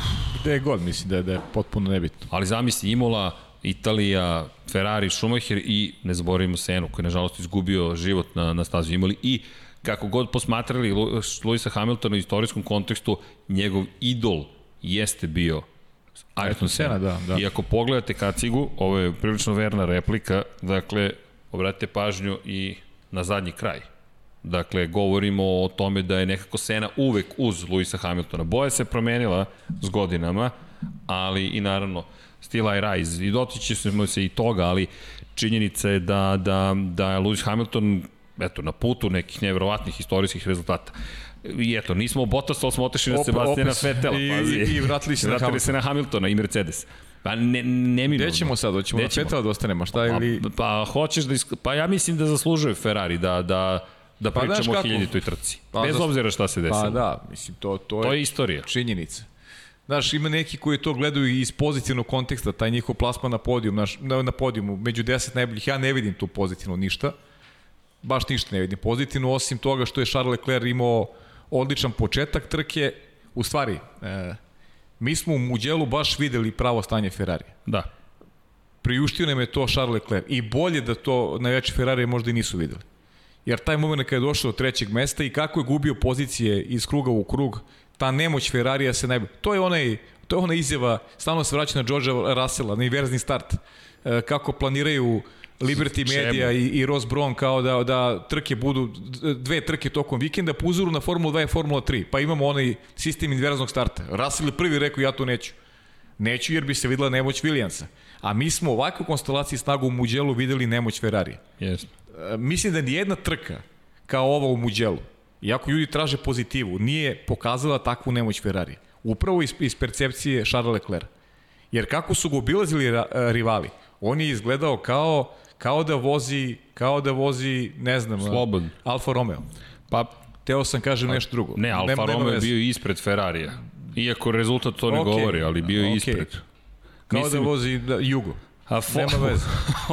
ovo je bilo, čekaj, da. ovo je bilo surovo. Ali stvarno, stva, stvarno... Formulu 2. Eto, stvarno nemoć, da upotrebimo ba, ba, Baš nemoć Ferrarija. Ovo, ova trka je e, osvedočila nemoć Ferrarija. Nema Jest. ništa pozitivno, ali najviše iz te prizme Charles Leclerc. Iako je on dečku radio posao kako čekaj, treba. ako to nije dovoljno, Sebastian Vettel nije mogao da sustigne Georgea Russella. Zašto ne. je meni George Russell iskreno ostavio pozitivan utisak? Dakle, na kraju da, sve izgubio. Ja mislim da mora da uzme poen neki. Ali znaš. nije mogao više. To je Vettel čak rekao. Kaže, ljudi, nije imao šansu.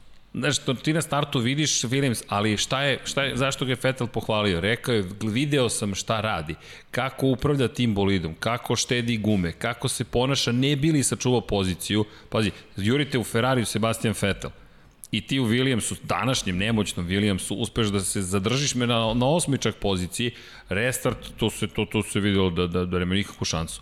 Ali, slažem se s tobom, možda ja preterujem, možda prosto sam suviše subjektivan prema Williamsu, rekao bih nada, sve novi menadžment je stigao, ali eto, nisu stigli poeni, nema više porodici Williams, međutim, u Formuli 1, i tu su i dalje živi i zdravi, ali prosto ne učestvuju u sportu, ali taj deo priče, dakle, o, o Ferrariju i snazi, ti ne možeš da stigneš Williams. Ti ne možeš da se izboriš sa Russellom na stazi. Ti moraš na startu da računaš na to da ćeš biti bolji i to je jedina tvoja šansa protiv Williamsa. I onda ovo što si rekao, što je bilo surovo zaista. I, i, i samo kratko, apropo Muđela i da li da ostane ili ne. Formula 2, Formula 3 o kojoj ćemo pričati su nam doneli potvrdu da tu imamo pravo trkanje. Pazi, Silverstone volimo. Mi jedno obilaženje, preticanje nismo imali u Silverstonu. Dakle, Guan Zhou je uspeo, Guan Yu Zhou je uspeo da, da pretekne to na novim gumama, ali Silverstone nema preticanja. U Muđelu možda na jednom mestu, ali ima preticanja. Ima. I to je baš bilo dosta preticanja. Ima, odlične su bile, ne znam kad budeš teo, pričat ćemo. Pričat ćemo nekako na kraju, ali, na kraju, trojici, ali trojici, i Formuli 1 je bilo toga. Bilo je preticanja, pa, bilo pa eto, kažem ti, mnogo ih je bilo. Baš je bilo dosta. I onda da dođemo na, na, na, na, na Leclera, koju šansu on imao? Pa ništa, pa ništa, skog pa golub ništa, sedi, pa sedi i čeka da ga, da ga, da ga obilazi. I onda Red Bull i taj Albonov. E, e viš, to, to ti je recimo, znaš, to ti je sad e, postavka velikog tima. Znaš, razmišljao sam tokom trke, nisam, nisam rekao, prosto trka je živa stvar i znaš, ne možemo mi da sad polemišemo mnogo oko nekih stvari koji nemaju mnogo veze sa trkom, ali možemo zato sada. E, znaš šta sam pomislio u trenutku? Ferrari velika ekipa. Zašto dozvoljavate sebi da, da Charles Leclerc gubi treći, četvrto, peto, šesto, sedmo, o, i gledate. Gledate na svojoj stazi u Muđelu kako je jedan vozač, kako je jedan tim nemoćan. Znaš kako to obilazi, svi to obilaze. Ali svi. Racing Point, obilazi te... šta bi uradio? Povuko bi ga na promjenu guma. Samo Znaš, da... tako, sklonio bi ga, sklonio bi ga od situacije u kojoj, u kojoj Ferrari pokazuje tu vrstu nemoći. zanimljivo, baš Znaš, mi je zanimljivo razmišljanje. Zato što, zato što si ti, si, ti si Ferrari na, na, na tvojoj si stazi. Moraš da razmišljaš kao veliki. Kako, si u lošem stanju? Jesi. Ali moraš da razmišljaš kao veliki jer jesi veliki. Ne smiješ da dopustiš da te ljude vide nemoćnog. Znaš, a, mora da uradiš sve da ne budeš nemoćan. Pa po cenu, čekaj, ili il bi rezultat bio gori da su ga povukli ranije na stazu? Pa ne bi. Pa ne bi bio gori. Ne, pa ne bi. Pa možda i ostao bez poena, pa kakve veze ima i da ostaje bez poena? Pa više nema. Nema nikakve veze. Ti si izgubio sezonu, ti se nećeš boriti za treće mesto u konkurenciji konstruktora, to je sada već izvesno. Ali nemoj da dozvoliš da tvoj vozač bude nemoćan na stazi. Da pokazuješ nemoć. Nemoj drugi da vide da se slade svojom nemoći. Razumeš? E, to je, to je moj ugao. Ja sam to pomislio dok sam gledao trku. Samo kažem ti, trka je živa stvar koji imamo vremena da analiziramo. Podcasti su tu, nema potrebe da, znaš, da se bavimo nekim drugim temama, ali moje gledanje, moje gledanje je tako. I onda dolazimo do priče, jer čitam, znaš, čitam komentare gde ljudi vide, znaš, vide pozitivu jer je Ferrari osvojio poene. Pa da, ali posvojio poene u trci gde nije bilo osam vozača. Čekaj, ajde da se vidi, čak i bez toga, da ih je bilo 20, hiljadita trka Ferrarija. Uspeh je osvojili smo poene. Ja ću ponoviti ono što pričam svake nedelje. Matija Binotto, daj otkaz. Dakle, lično, daj otkaz. Tako je. To je jedino što pravi menadžer može da uradi u ovom trenutku. Ne da kaže, ili da kaže ovako, mi ćemo da stabilizujemo ovu ekipu i ja onda dajem otkaz.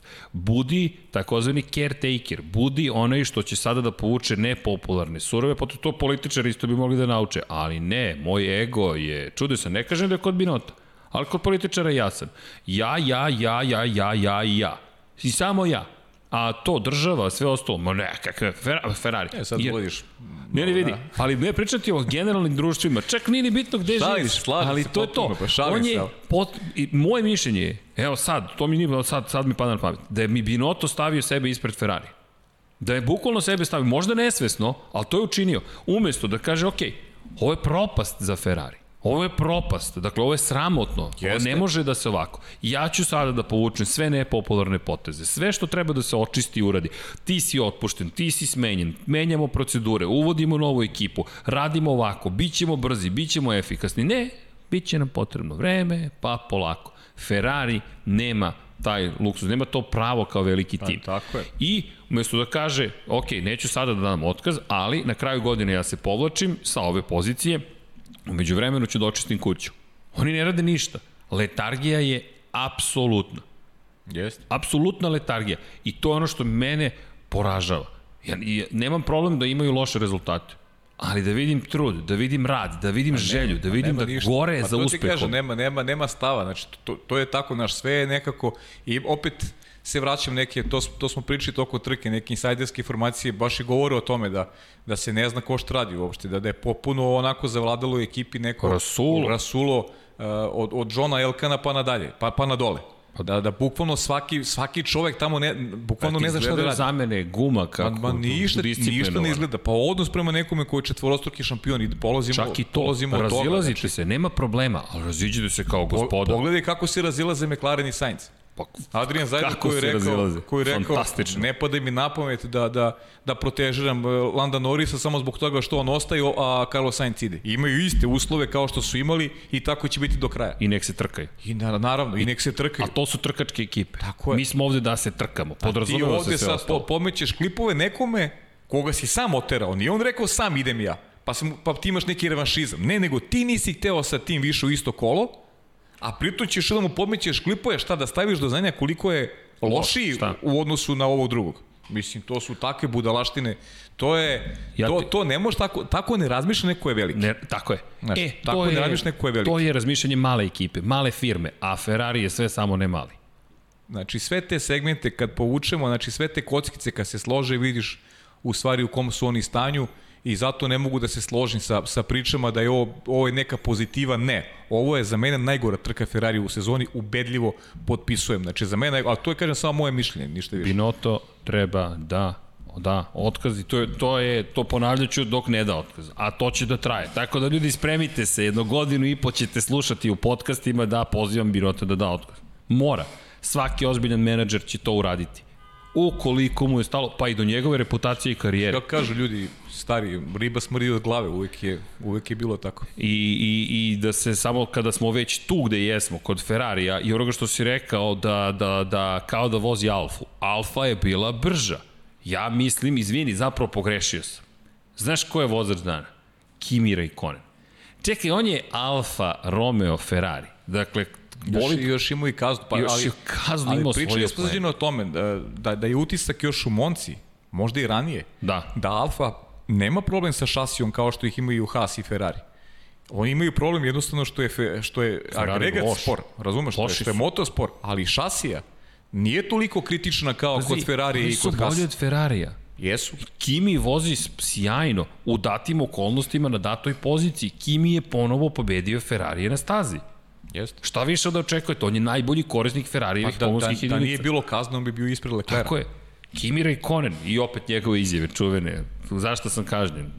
Imaš kaznu tu, tu, tu, tu. Zašto da. sam kažnjen? Sjanki. Ali ja sam oduševljen, zaista. Sviđa mi se, izvini, sviđa Nema, mi naravno. se izjava Frederika Vasera. Znaš da se, da se spremaju promene i u Hasu i da. u Alfi i čekamo ove klinci iz Formule 2, o tom potom, to ćemo na kraju podcasta. Ali Frederik Vaser je rekao da naravno čeka nas razgovor sa Ferrarijem, vidjet ćemo ko će od njihovih klinaca doći u ekipu, Đovinac je manje više ostranio, ali je rekao naša prva opcija iz narednu godinu je Kimi Rekonen. Pa, pa. I to je zaista sjajno pitanje samo kako će kako se Kimi u svojoj glavi Naravno. odnosi prema celoj priči. Što ukoliko, niko ne zna. Niko ne zna. to niko to, nikad ne zna. Ja mislim da to trenutno ni Kimi ne zna. to, man, pa neće se probuditi jedno jutro i reći, ok, hoću ili neću.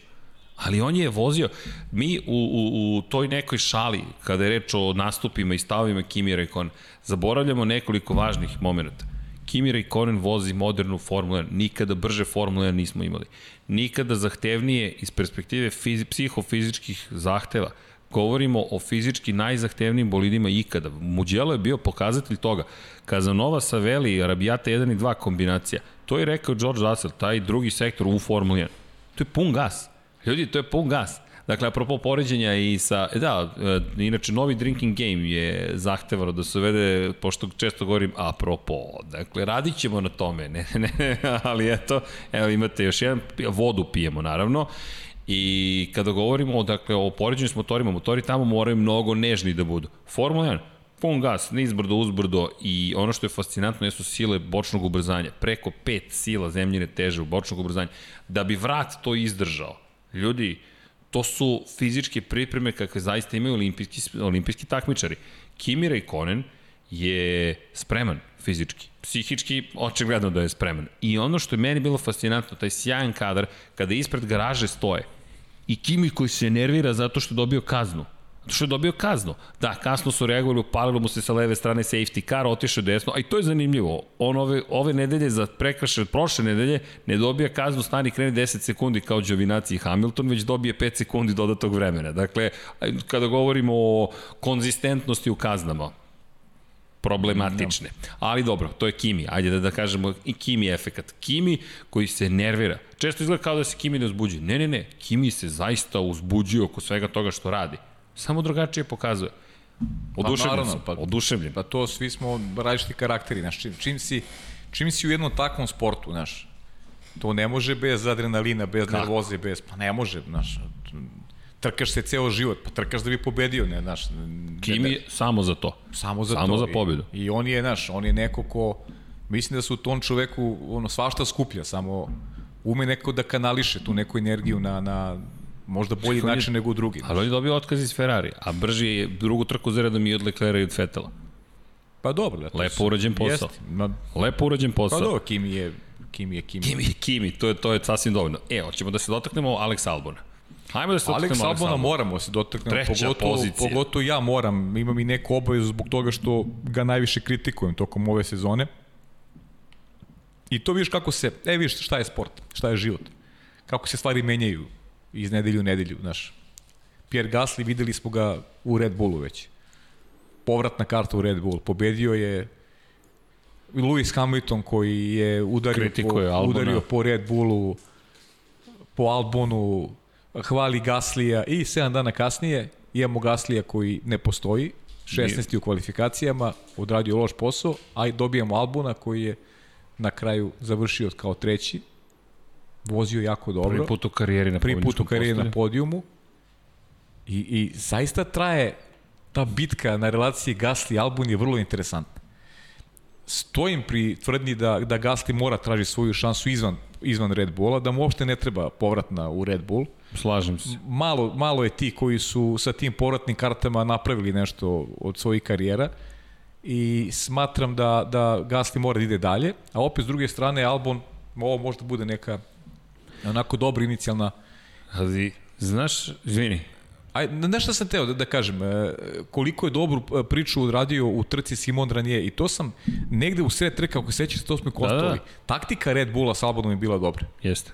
Jeste, taktika je baš bila dobra. Moment e, odlaska u pit lane, on imao novije gume u finišu, tog nekog onog situacije pre onog prvog prekida recimo i tako dalje. Mislim da je Simon Renier odradio dobar posao i to je to iskustvo koje je bilo neophodno Aleksu Albonu. Dolazak Ranije je, je pun pogodak. E, šta sam htio da kažem, sada kad si ovo izgovorio, znaš koja mi kombinacija deluje kao najbolja kombinacija za Red Bull, to je Alfa Tauri.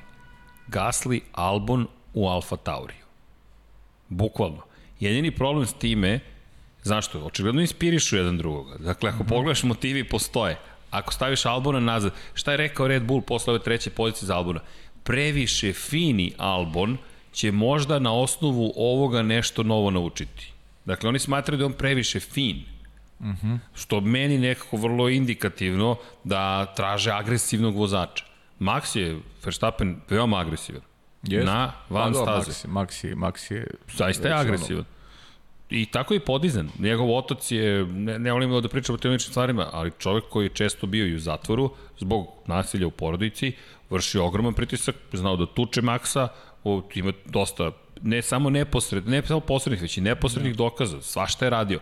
Max, ne kažem da je poput oca, nismo svi isti, dakle koliko god da su porodice, da, porodice, Max je međutim stekao jednu dozu agresivnosti koju pokazuju na stazi. I van nje, spreman je da uđe u sukob, spreman je da uđe u raspravu, setimo se da je spreman da bude da uđe u obračun koliko treba posle trke, album deluje kao neko koji, koji se zahvalio i to je bilo nespecifično. Ne Hvala Red Bullu što mi ipak zadržao. Ha, ha, ha. To je izjava za, za treće mesto. On je kao neki klinac, znaš, teško je opstati u atmosferi, u, u, među ajkulama, a Alfa Tauri nije mesto Dobro, za samo ti gaš nešto. I, I karakter Aleksa Albona više odgovara uh, Red Bullu, Red Bullovom projektu na čelu sa Maxom Verstappenom, znaš. Gasly nije taj baš. Nije.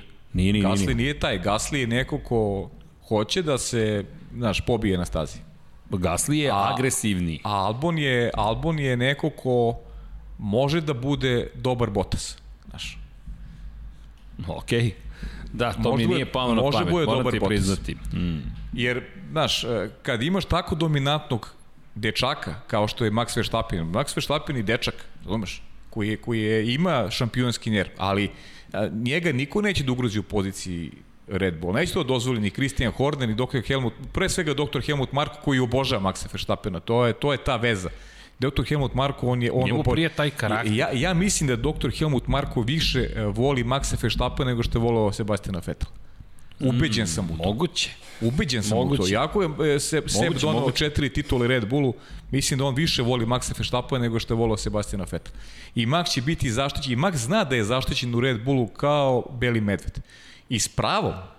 I pa zato je, rezultate. tako je, i zato je svakom tom vozaču broj 2 teško u Red Bullu, zato je Ricardo pobegao od toga. Aj, izvini, a, a, i, i Pazi, Ricardo je pobegao, Ricardo je pobegao, koji je najjači od svih spomenutih Tako je, a mislim da je Pierre Gasly veći potencijal od Alex Albona i zato ti kažem, smatram da je Pierre Gasly nije mu mesto u Red Bullu, nego mora svoju šansu traži nekom drugom timu. Ja, ja samo malo drugačije gledam. Mislim da kada je reč o talentu, o trkačkom talentu, to jest uh mhm. -huh. brzini da su izjednačeni. Međutim, šta je sada pitanje? Da li Albon, ako je zaista takvog finog karaktera, može da se snađe u šampionatu kakav je Formula 1, da dođe do tih uspeha? To je pitanje i koja ekipa bi to mogla da izvuče iz njega. Ako gledamo ovako, na osnovu onoga što smo videli ovih godina, mislim da bi McLaren možda bio najbolje okruženje za vozača poput Albona, koji gradi da malo drugačiju atmosferu. McLaren koji uvek i nikad imao vozača 1 i 2. Uvek su bili to trkači. McLaren koji inače prodaje svoj, svoje sedište, dakle to je tragedija i COVID-19 godine i cijela situacija koja se nalazi u Formula stvari nisu dobre. Međutim, to je zanimljiva vrsta prodaje ukoliko se desi i da, znam da, da je digresija, ali moram to da spomenem, Dakle, McLaren ukoliko prodat svoj svemirski centar, prodaće ga tako da će biti lease back zapravo u pitanju. Dakle, prodaće ga nekome ko će da renta potom to McLarenu. Moja pretpostavka je sa ciljem da McLaren nikada ne napusti svoje prostorije i da kasnije ponovo otkupi kada vremena budu bolje nazad svoj centar. Ali čisto da znate da je situacija dramatična. Međutim, Zach Brown je rekao to na nas neće uticati, mi si dalje trkamo. Da se vratimo na Albona. Albon, dakle, Mislim da bi bio dobar s Gaslijem u, u, u Alfa Tauri, mislim da Franz Tost može da upravlja ekipom na taj način da ovaj bude agresivan, to tome nisam razmišljao, mm -hmm. tu si u pravu 100%, Gasly jeste agresivniji karakter i Albon da bude tu. Ono što je tu problem, dovesti novog klinca u redove Red Bulla je gotovo nemoguća misija. Taj, taj dečko će izgoreti u toj atmosferi. Da. U ovakvoj atmosferi da. Moraš neko ko je mnogo ostaće album jak. tu, ostaće da, album ostaće. tu, ostaće album tu.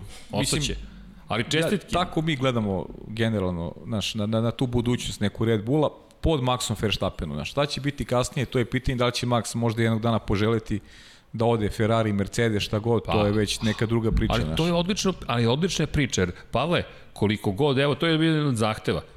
Hajde ljudi, stalno pričate o Red Bullu. Kad je Red Bull poslednji put osvojio titulu? Davno Bešević, sad će 10 godina od kada je Red Bull osvojio titulu. Hajmo da ne zaboravimo ni taj moment. Mi pričamo o Ferrariju.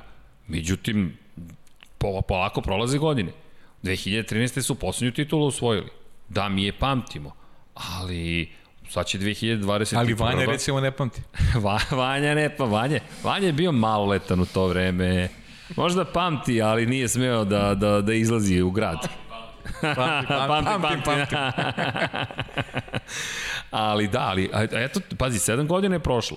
Mi, mi stalno hvalimo Red Bull, međutim Red Bull nijedno više nije bio nadomak osvajanja titule. Stalno pričamo, evo ove godine će se uključiti, evo ove godine će se uključiti.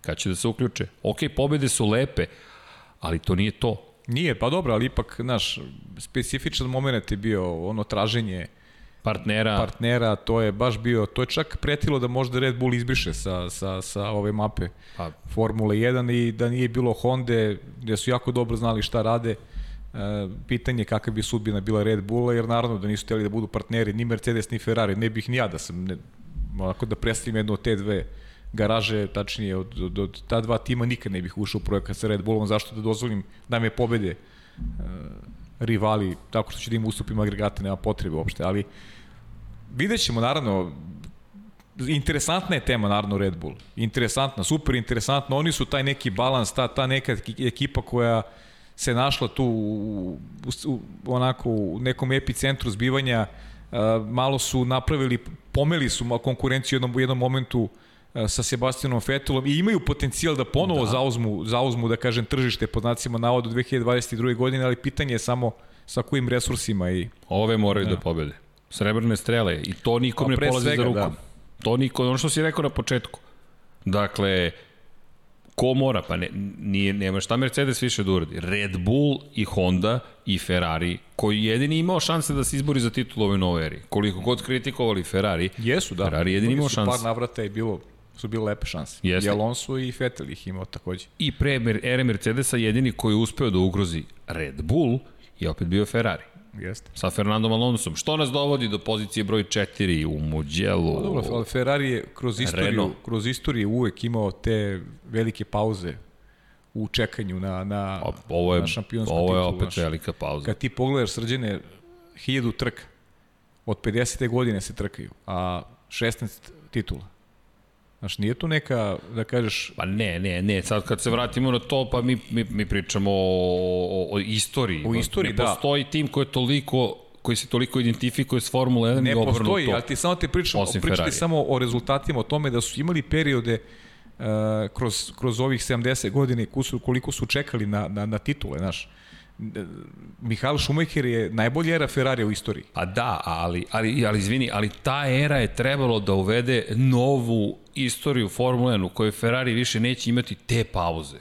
To slažem je trebalo da bude ta se, ali, suštinska promjena u filozofiji. Ali, znaš kako, treba nam jedna emisija, ajmo idemo dalje, treba nam emisija. pa ne, zato sam i rekao. Pa samo ovim, dakle, ovim kada govorimo o onome što se desilo i kada govorimo o stvarima koje smo gledali i, i, i prethodnih godina, dakle Ferrari je taj uvek bio nekako tu, ali pojnta mi jeste bilo o četvrtoj poziciji, to jest o Renault. Jer da se vratimo, Red Bull Renault je bio taj koji je bio dominantan, nema ga više, Malo je dostalo da se popne na pobedničko poziciju Daniel Ricardo, da sam rekao, četvrta pozicija. Ajmo četvrta pozicija. Renault i Fernando Alonso u celoj toj priči. To mi je nekako bio uvod zapravo za to mesto jer Fernando Alonso se vraća naredne godine, a Renault delo je kao da će uskoro biti na pobedničkom postoju. Trka je bila odlična. Ricardo je odvezao sjajnu trku, ali na kraju rekao je, frustriran sam što nisam mogao protiv Red Bulla. Fascinantno mi je šta je Albon rekao. On je ostao sa spoljne strane. Taj bolid je bio zalepljen. I on je rekao, znamo da mi to možemo da uradimo. Da se tako igramo s bolidom. Nije ga ono pretekao na pravcu nego ga pretekao kroz krivinu. Da šta se pitao, šta bi bilo da, da, da nije, nije bilo tih crvenih zastava poslednjih?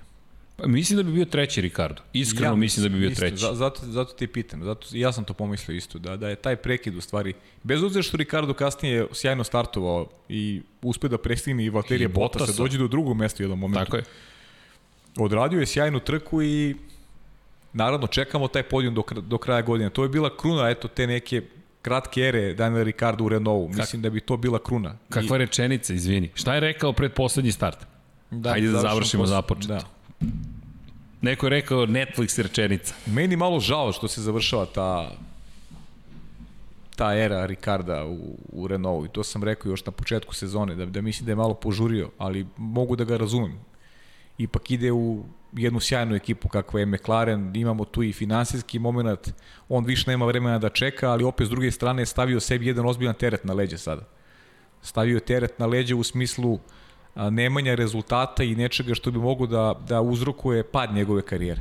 Jer imamo toliko, dobro, toliko dobrih mladih vozača koji se pojavljuju, koji svedoci smo toga u Formuli 2 i Formuli 3, ukoliko ne napravi neki pomak u McLarenu, ja ne znam gde bi mogo dalje Daniel Ricardo. E, to je ono što, što je naš suština cele priče. Vidjet ćemo kako će se ponašati i kako će McLaren izgledati naredne godine sa, sa njim na, na, ali, na, na čelu. Ali Renault izgleda odlično. I Renault, meni je žao što nećemo imati kombinaciju koliko god bi bila zahtevna. Fernando Alonso, Daniel Ricardo. Zamisli taj tandem. Ja mislim da bi to bilo fenomenalno. Bilo bi zahtevno u garaži, Fernando Alonso nije lak za saradnju, ali bi bilo lepo to videti. Renault zaslužuje sve pohvale za napredak koje je pokazao, pogonska jedinica je jaka, aerodinamika, to smo i videli baš u tom preticanju, još uvek ima tu posla za, za deo, taj deo ekipe, međutim, Renault postaje Alpina naredne godine, pretpostavljam da će biti u plavim bojama, da. tradicionalno Da šta mi je žao, moram da kažem to. Naravno. Esteban Oko, naš, malo sam promenio stav u odnosu na neki. Mo, možda, možda je ti godina dana pauze bilo kritično za, za, za Esteban Okona ne vidim ga u toj galeriji vozača koji će nešto značiti Kao da izgubio Da, ne, ne, tu, tu, to malo. Tu mi nešto fali. To malo. Da, tu mi nešto fali definitivno i A znaš komu dolazi? Dolazi Alonso Dolazimo, koji nije lak saradnik. A nije uopšte. Koji će ga psihički, ja mislim, napasti. Jer to, pa to i Hamilton radi. Svi ti veliki vozači. Nema tu milosti prema klubskom kolegi. Jest. Malo koja ekipa to može da podnese. Pa pazi, dolazi ko velika zvezda. On se vraća na velika vrata. Dvostruki šampion sveta. I, i adekvatan, adekvatan tar, uh, tretman će imati. Znaš.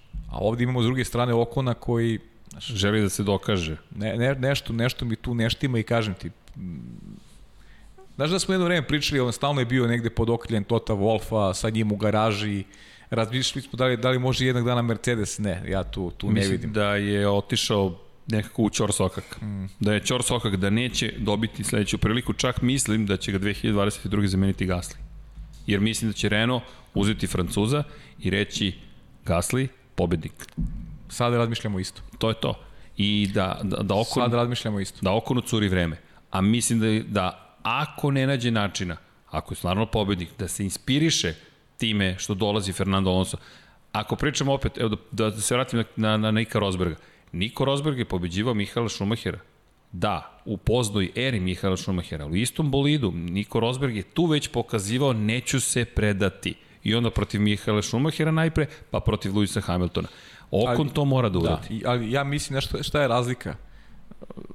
Lepo poređenje, samo postoji tu razlika. Razlika je u tome što Mihael Šumacher se vratio iz penzije i rekao bih da jeste bio motivisan da, pobe, da pomogne fabrici, znaš.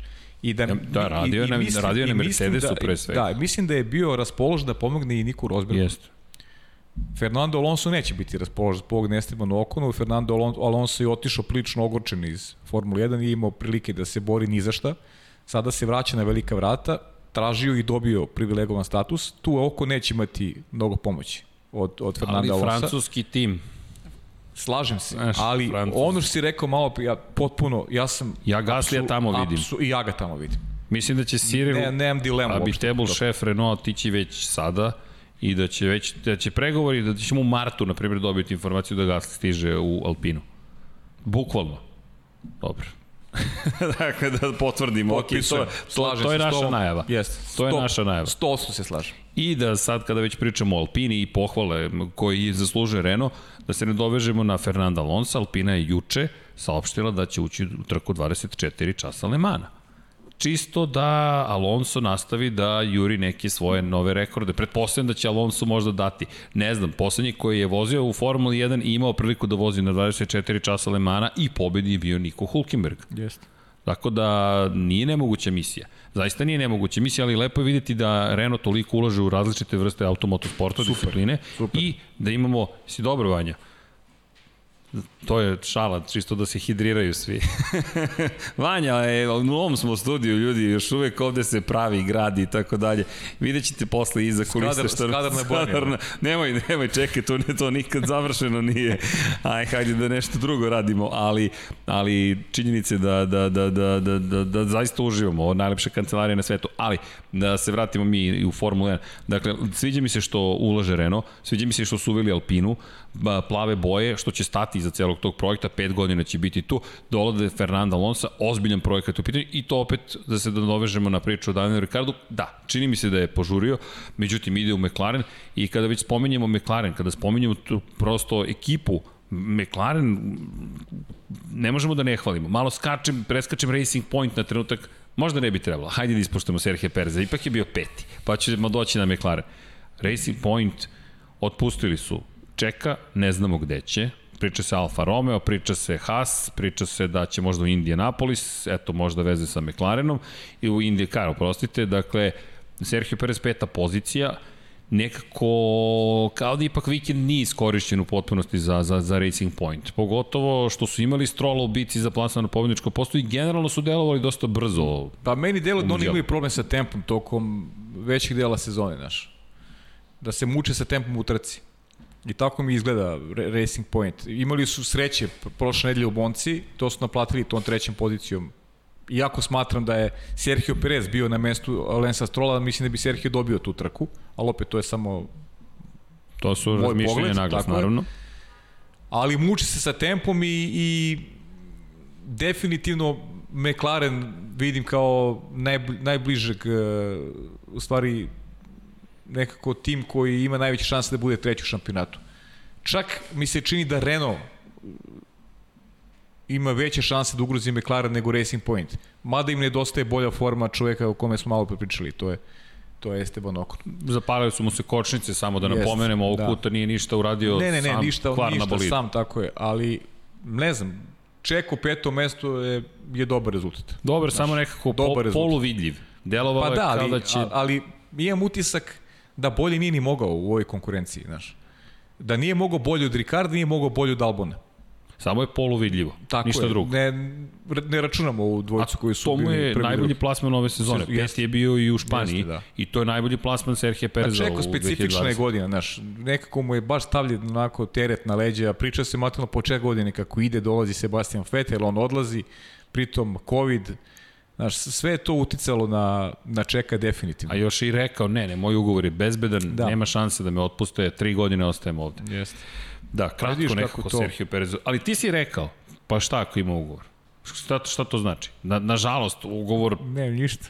Može da se otkupi, može da se raskine, priča se da će dosta novca imati kao otpremninu na kraju sezone, pa, ali... to je logično, znaš.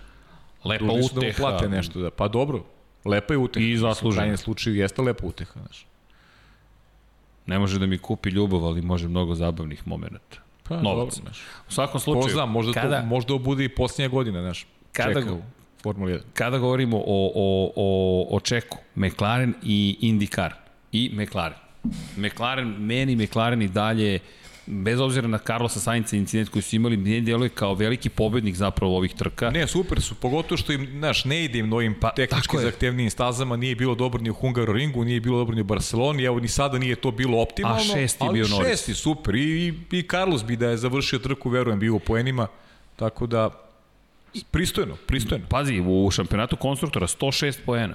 173 da, ima Red Bull. Dakle, koliko, koliko imaju iza, iza McLarena? 92 Racing Point. 92 Racing 14 Point. 14 bodova ih A koliko ima Renault? 83. 83. Hoćeš i Ferrari? Ferrari negde oko 70, da? 66. 66 da. I 53 Alfa Tauri. Ferrari koji ulazi sada u situaciju pa da... Pa izgubit će oni od Alfa Tauri do kraja godine.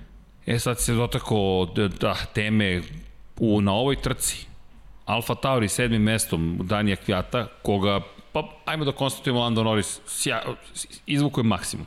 Ali pohvale za Danija Kvijata. Jeste. Danija Kvijat je odvezao sjajnu trku. Sedma pozicija za Kvijata je, stva, je nešto što je fenomenalno za ceo tim. Šest bodova donosi. Ferrari je bio osmi, to je deseti. To je pet bodova. Dakle, Alfa Tauri uspeo da osvoji više poena u odnosu na Ferrari u ovoj trci. I ukoliko se ovako nastavi, da i Gasli se, da, da uđe, da, to je da ostane u formi, ja idemo u Rusiju, da Kvijat odveze još nekoliko dobrih trka, Ferrari može da se desi da padne na poziciju broj 7. Da to će da se desi. To je zastrašujuće. Dakle, Alfa Tauri u ovom momentu ugrožava Ferrari, Kvjatova najbolja trka ove sezone. Pri čemu je bio drugi i deveti u Monci. Možda i Kvjat inspirisan svim tim pričama, otkaz pa da, da mu sledi. Pa da, ali, znaš, to, to je negde i gotovo izvesno s obzirom na, na Hondu, na želju da Yuki Tsunoda bude vozač Alfa Tauri naredne godine, mada Yuki imao sad loš vikend u Muđelu, ali ima šansu, naravno, veliku Yuki Tsunoda da bude naravno deo tog projekta. Vidjet ćemo kako će rezonovati dr. Helmut Marko i društvo, ali mislim da će Yuki Tsunoda definitivno biti naredne godine tu, a šta će biti sa Danielom? Nešta. Verovatno Na, nažalost, ali verovatno da. Ajmo mi da se dotaknemo Formule 2. Znam da, da, da kao pa ajde, struktura pa kaže, mislim, ali Formula pa ne, 2 i Formula 3 su bile mislim da više nemamo šta da analiziramo kad je Formula 1. Ali, ali nema, znaš, šta da pričamo o Ferrariju, već znamo, to smo desto. Ne, ne, ne. Kimi Rekonen, rekli smo, Imamo naš. i Haas, imamo Williams, ali, ali ne mogu da ne odemo na Formulu 2. Ljudi, toliko je bilo uzbudljivo. U, evo samo jedna stvar. Ko vodi u šampionatu sveta Formule 2? Evo, osmeh na licima Ferrarijevih navijača. Ne osmeh, ljudi, to da. je od uva do uva. Mik Schumacher, sin Mihaela Schumachera. Mik Schumacher vodi, čekaj, pa da li smo očekivali, bilo ti, bilo ja, da ćemo reći da Mik Schumacher vodi posle Muđela u Formuli 2. I možemo da se lažemo, ali Mik Schumacher će uvek povlačiti posebne emocije. Voleli Schumachera starijeg, voleli Ferrari ili ne. Kada dolazi dete jednog takvog šampiona koji je doživao takvu nesreću. Nažalost, Mihael Schumacher i dalje u teškom zdravstvenom stanju. Evo, šest godina posle incidenta na skijanju, mi gledamo Mika Schumachera koji beleži petu, četvrtu poziciju, vodi, prednost mu je 8 bodova i mi pričamo sada o Miku Schumacheru koji još seo u Ferrari iz 2004. i vozio po tom istom udjelu, u očevom Ferrariju, pa samo da se naježite. Samo da se nađete i, i ne umanjujemo nikoga drugog u Formuli 2, ali prosto Mick Schumacher je zvezda i pre nego što je bio zvezda, pa, a sada je zvezda. Pritom Matija Binotto mu je obećao sledeće godine da će dobiti mesto, dakle pre posljedna će dobiti Alfa. Meni deluje to dobra kombinacija. Sad, možda, možda Haas sa, sa Nikom Hulkebergom ili, Čekaj, ili Alfa sa Kimim Rekonom. Zamisli Kimi Raikkonen, Mick Schumacher u istoj pa, ekipi. Pa da, to, to, to wow, zvuči dobro. kakva istorija. Kako Ali aj kaj kad smo već kod dvojke, imao je malo i sreće mi imao je, to imao, u, imao u, u djelu, jer Kajlo Majlot je takođe inače projekat Ferrari Akademije, to da. ne zaboravimo. I imaju Roberta Švarcmana, znači sva trojica su negde, znaš, a trojice kandidata za titul. Ali znaš šta je mislim ko će biti šampion? Ko? Christian Lundgaard. Ok, znao sam da ćeš ti poješ na njega, znao sam. Christian Lundgaard, o, o, o starta mi se taj dečko jako dopada, mislim, nije sporno da su ovo sve sjajni vozači i Mick Schumacher, Pa šta reći, šta je čovek smo rekli, ta, ta emocija, emocija postoji kod svih oni koji pamte ta vremena, pamte Mihajla iz tog perioda kad je bio dominantan u Ferrari, ga ili ne? Ma da, naravno, nije, nije bitno da li ga voliš ili ne, ali prosto naš ostavlja, ostavio je veliki trak. I dalje je najveći vozač, po, po kada govorimo o titulama i pobedama. I dalje je najveći, tako je. I, i Mik će dobiti svoje mesto i zbog tog nekog porodičnog nasledđa i zbog onog što pokazuje na stazi. Drugi deo sezone je zaista bio fantastičan za njega. Jer kontinu, da. osam podim ima. Prvi put je pobedio ove godine na subotnjoj trci. On nikada ranije nije pobedio na subotnjoj trci. to je pravo ogledalo. Znaš, te sprint trke često umeju da budu varke. Imaš vozače koji pobeđuju samo na sprint trkama. Da. A to je zato što su bili deveti ili deseti u, u subotnjoj trci. Znači, bili su loši u kvalifikacijama i bili loši u prvoj trci. Znaš, ta, ta sprint trka meni nije reper. Ali subotnja ta trka u Monci, kada je sa seme pozicije došao do odmah u startu do drugog mesta, pa na kraju pobedio, e, to je bila najbolja njegova trka ove godine. Pa šest puta za redom na pobedničkom postoju. E, to je, to je I, i, htjelo da, baš na, stvar. da se nadoveže na ovo što si rekao. Kontinuitet, mnogo kada bitan. Kada neko je u prvoj trci brz a onda i u drugoj trci brzo. E, Tako to je. vam je ozbiljan vozač. Tako dakle, je. prvih osam obrće startne pozicije. Dakle, ko je pobedio, startuje osmi. Ko je bio treći, yes. startuje šesti. Dakle, on čovjek je uspevao šest puta za redom da dođe na pobedničko postolje u dva navrata. Dakle, Jeste. mi kada pogledamo, kaže, čekaj, ovo je pet puta, izvinjam se, u Kataloniji nije, uspeo u Silverstonu dva. I kažeš, treći u sprintu, treći u prvoj trci, drugi u prvoj trci, pobeda i treći. To je već to, to ono što ti kaže, što ti kaže za Lundgarda. Lundgard imao imao pol poziciju u Mugello. Da, Lundgard je odličan. I onda i onda je imali smo crvene zastave na kraju promene e, promene pneumatika Jest. koji su obavili drugi, on je ostao na starim gumama i izgubio završio na kraju treći. Šesti. Šesti, šesti. Šesti završio na kraju i onda startovao kao četvrti u, u, u sprint trci i pobedio. Odličan je bio. Ne, ne, fantastičan je danac, pričali smo, sin Mada, reli šampiona, ja i dalje mislim da će Schumacheru pripasti titula. Ok, bit će interesant, pa imamo još tri vikenda. Da, više na osnovu njegovih, ono što smo pričali prošli put, kada pogledaš, ili tokom prenosa, sad ne mogu da se setim, kada pogledaš njegove titule, to jest jednu titulu tu, u, u, u nešto višim kategorijama, 2018. godine, kada je uspeo u Formuli 3 Evropskoj da slavi, drugi deo sezone je impresivan. Prvi deo, problematičan. Dođe drugi deo sezone, odjednom vidiš jednu drugu, jednu drugu vozača. A. Tako da mislim da može do titule, ali Kyle Majot je tu, samo 8 poena zaostaje.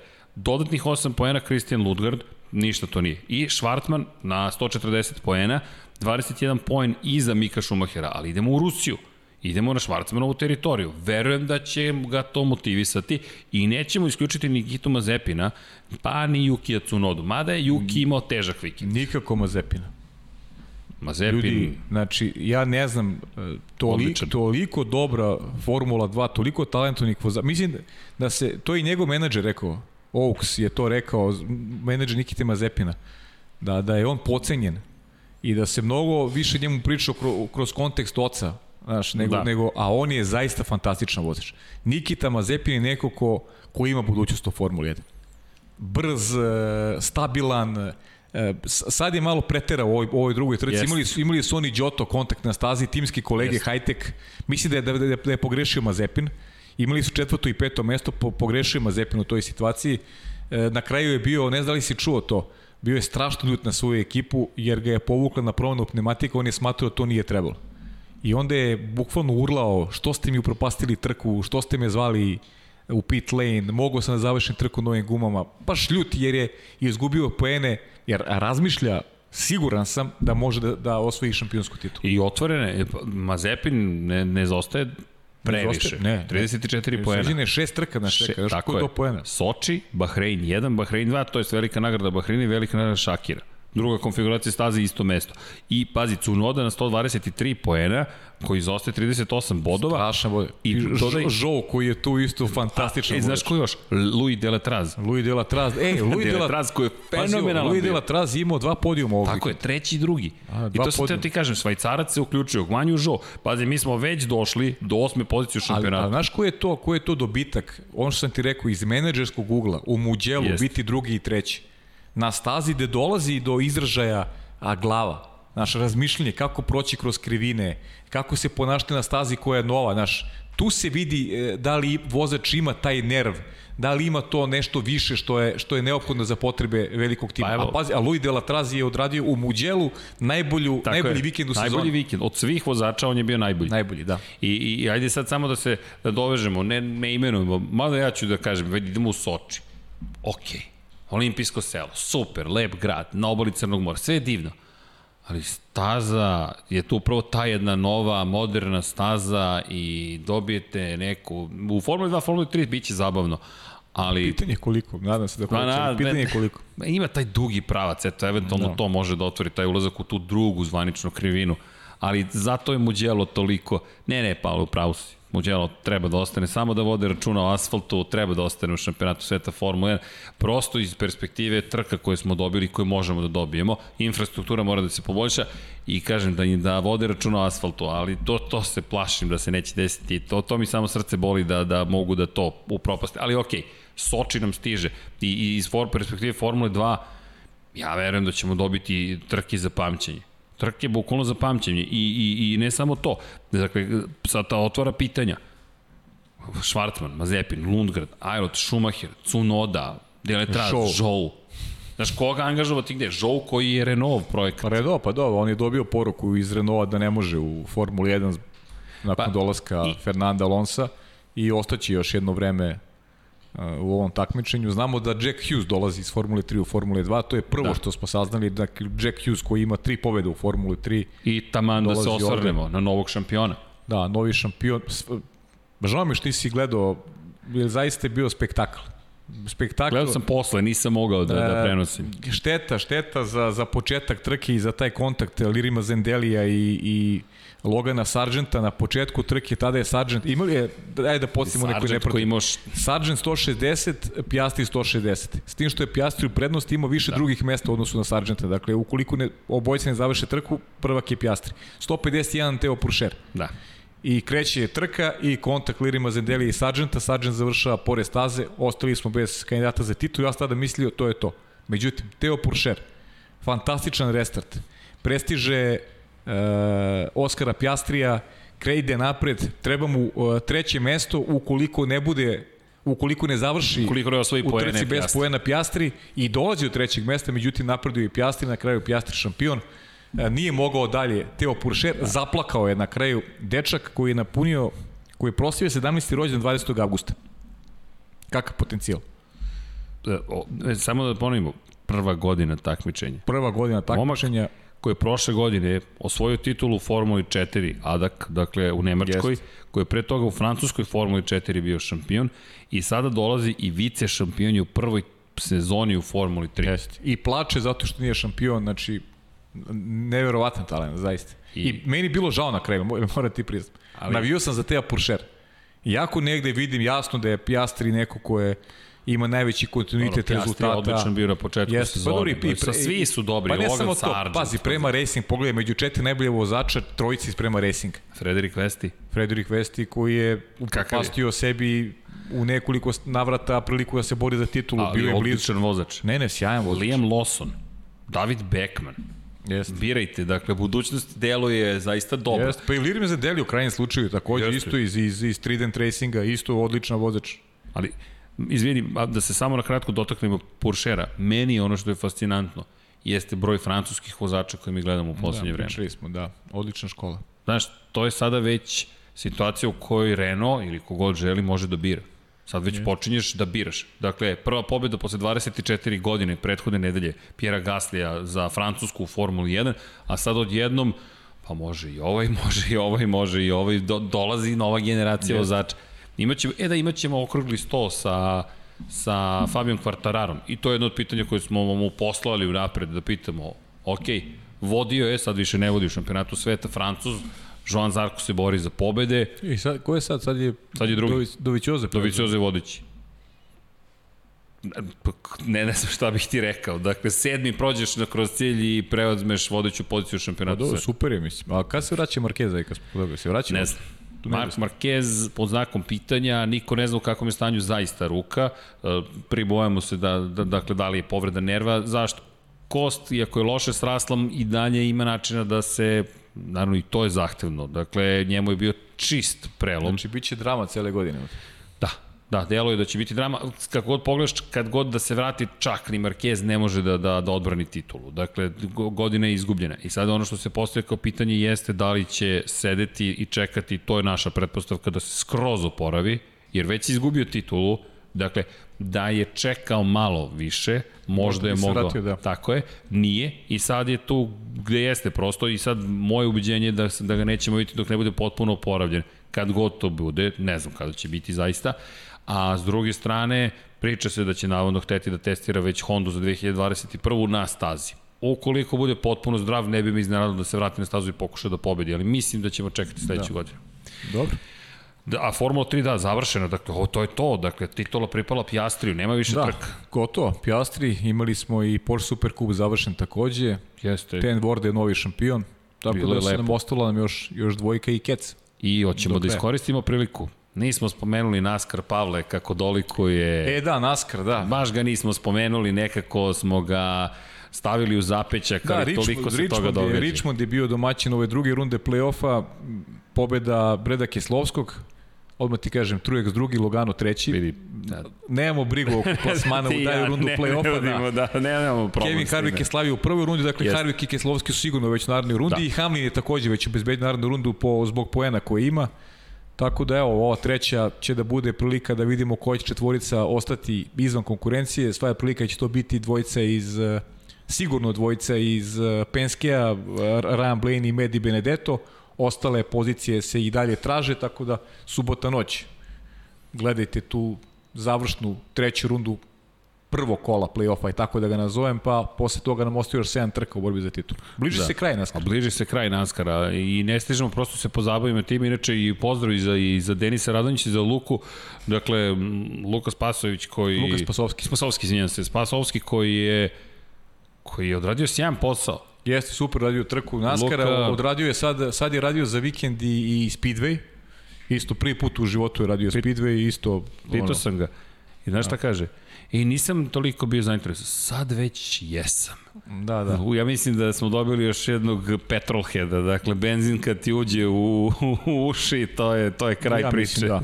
da, Luka je to super da, uradio, radio. tako da jeste super. Pa da moram ti priznati sebično, se nadam da ćemo dobiti priliku da odradimo kraj sezone. Dakle, znam da to nije lepo, kole, nije kolegijalno nužno, ali sam makar iskren, dakle, da bi bilo lepo ta posljednja trka. Da, da, ali sad ne, Sumnjam ne, ne, ne znam šta da ti kažem, ne znam, ne znam s čime se poklapa, šta će biti, tako da nemam pojma. Više ne znam, petostruke vikende imamo, ali u svakom slučaju je zabavno. Da, inače pravimo pauzu ove nedelje kada je reč o Formuli 1. Nemamo Dobro, ali mi je nećemo praviti sledeći utorak ne, da se družimo. Ti i ja ne primamo, pa ne, da. ne, ne, zašto bismo pravili pauzu? Najavljujemo ono što se dešavati u Rusiji. Dakle, bit će vratno još interesantnih tema. Ko da što nas čeka Pazi, ko zna šta se desilo dok smo ti ja ovde bili. Pričali, da, da, ima tračeva, ajde, samo kratko. Ineos navodno će da kupi Mercedes, da, Toto Wolff je da, rekao da, to isto, da, to, da se to neće desiti, ali kao i uvek u Formula 1 tračeva imate koliko god hoćete. Ono što mislim da, da ajde, iskoristit ćemo možda da sledeći put da, da Nadam se da se dotaknemo i te teme i da ima još jedna tema. Uh, Lewis Hamilton, dakle, antirasistička poruka koju je imao na, na početku, A, da, da. na početku i na kraju trke je dovela do toga da Međunarodna automobilska federacija započne ne istragu protiv Luisa Hamiltona o tome koju majicu je nosio. Inače, majica glasi uhapsite policajce koji su bili Breon Taylor. Za one koji ne znaju, Breon Taylor je žena koja je radila kao zdravstveni medicinski radnik u hitnoj službi. Upucana je u svom stanu greškom Dakle, zastrašujuća tragedija se desila. Niko nije uhapšen, niko nije zapravo, ne smatra se odgovornim za, za to što se dogodilo. Opet vrlo teške teme. E, činjenica je da, da se radi o, o ženi tamne puti, čovek koji je povukao barač bele puti i rasno zategnuti veoma odnosi. Lewis Hamilton kao jedini afro, ne kažem američki, ali jedini zapravo predstavnik tamne puti u, u Formuli 1 je preuzeo na sebe vrlo zahtevnu i ne toliko zahvalnu ulogu, ali neku ulogu koju mora da se nosi. Pričamo često o društvima. To je njegov glas. Dakle, to je neki izbor koji je napravio i činjenica da mi ne možemo, ja ne mogu da, da razumem to što može da razume Lewis Hamilton, pa, ali mogu da saosećam sa bilo čim problemima i kada je reč o tome šta radi, to je njegov izbor, njegovo pravo. Dakle, kada je reč o, o Hamiltonu generalno, nije on pod istragom, pod istragom je šta se dozvoljava kao poruka, Dakle, živimo u najelektrisanom univerzumu, dakle, polarizacija potpuna i tu mora zaista da se balansira. Ali ono što je postigao je da se o tome priča. Dakle, Jeste. pa to je ono što je postigao. Znaš, ne možemo da, da polemišemo o događaju kod događaju, znaš. I ne, možemo možda, samo onome što je Lewis Hamilton znaš, učinio. Jer neke, tako je, jer neke stvari mora da znaš da bi bilo pa koji pojedinac mogu da polemiše, naš, ma, Još malo to i naša profesija, prizmu, naš, dakle, je, da. ne možemo bez svih činjenica ne i podataka da pričamo nije, dublje. Nije realno, da. Tragedija se desila, Lewis Hamilton skreće pažnju Trage, na tragediju. Da. Sad, poruka kakva je? Da, vrlo je snažna poruka. Vrlo je snažna poruka, ali kažem ti... Šokantna na jedan način. Mo, mo, možda, možda previše sebi dajem za pravo, znaš, uh, da bi slao poruku, znaš, treba da razumeš celu situaciju, da znaš šta se desilo u, u, u, znaš, u, u, u celoj priči, znaš, da bi imao tako jasan stav, znaš, oko svega. Da li me razumeš šta ti pričaš? Razumem, da, teško je znaš, govoriti, ali tema je teško, koje teško je kao, kao društvo teško ne treba da kao, da pobegnemo. Ne treba da bežeš, ali, ali kao, znaš, kao javna ličnost, znaš, moraš da imaš sve, e, kako bih ti rekao, uh, sve argumente moraš da imaš na svojoj strani da bi izneo nešto što je, što je, što je jasan stav, što je poruka, razumeš, čak, ono, što je prava poruka. I, I da nemaš argumente, dakle, razum, e, šta je to sad, i ja mislim da je to naš posao, naš zadatak zapravo, da, da pokrenemo razgovore, dijaloge, dakle, da pokrenemo kulturu komunikacije. Možemo da se ne slažemo, ali ajde da pričamo. Hajmo da vidimo zašto se neke stvari dešavaju. Hajde da skrenemo pažnju na to da se nešto desilo. Hajde da kažemo čekajte, Da li je, ja ne znam da li ili nije, istraga urađena na pravi način ili nije. Da li je sve urađeno kako je trebalo da bude urađeno u, tom slučaju? Dakle, desio se ozbiljan incident, neči život je ugašen, to je ozbiljna stvar. Jeste, nije spor, ali, ali ušli bi sad u neku, ušli bi ne, ne, u neku e, Samo hoću da priču. kažem da je to, da, da, da poruka koju bih ja volao da pošaljem jeste, da, i kada se ne slažemo, da pričamo. Dakle, da pričamo, da kultura postoji dijaloga. Jedna od fenomenalnih reklama koje, smo, koje sam video na, na, na jednom od putovanja je bilo brazilskog tama, dakle njihove aviokom, nacionalne aviokompanije, koja kaže dijalog, koja priča upravo o, o dijalogu gde su stavili navijače suparničkih ekipa i rekli hajde da vodimo dijalog. Dajde da se ne pobijemo za početak, nego da pričamo, da budemo i suprotstavljenih mišljenja, a hajde da pričamo. Dakle, kada je reč o polarizaciji, to je ono što je zahtevno. S jedne strane, kao da su, kao da ili si s nama ili si, ili si protiv nas, filozofija da je zaživela. E, to ne bih voleo. A Lewis Hamilton koristi svoju prosto poziciju da pokrene jednu vrlo značajnu priču, poruka antirasizma mislim da je univerzalno jasna. Dakle, to, to, to, ne, to nema dilema. Pričamo samo Tako o... je slučajevima. Znaš. O, tako je. I kada je reč o ome, sada se mnogo više zna za Breonna Taylor, dakle, mi je spominjemo, mislim da je jedan od ciljeva postignut. Sad, da li je poruka mogla da bude i drugačije konstruisana, ostavljamo to Lewisu Hamiltonu, ali činjenica je da se pokreću neke stvari. Dakle, i toga ne bežimo, ne umanjuju njegove sportske dostignuća, to je ne samo njegovo pravo, na neki način i njegova obaveza, kao što svako od nas ima neku vrstu obaveze. Sad, da li smo uvek u pravu ili nismo, ili smo to radili na najbolji mogući način, pa ljudi smo, činjenice da, da, da postoji tema koja je vrlo ozbiljna. I deo je takođe Formula 1, kao što je Franco Morbidelli pokrenuo takođe antirasističku poruku u Moto Grand Prix-u. On se svrnuo na, na film Spike Lee, Do the Right Thing, i imao je posebnu kacigu i sada posle pobede u Mizanu rekao da uvek sam hteo da budem taj glas koji će pričati o antirasizmu, ali sad nekako posle pobede kao da se njegov glas mnogo jače čuje.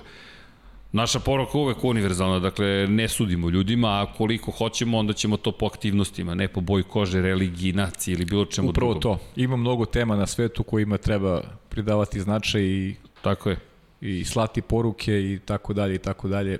Tako da Pa to se i mi trudimo kao za film. Evo, hoćemo da preporučimo neki film, da iskoristimo priliku. Pazi, tvoja preporuka je našla na odziv, tako da... Pa, ne znam, gledajte, Stare neki filmove, a?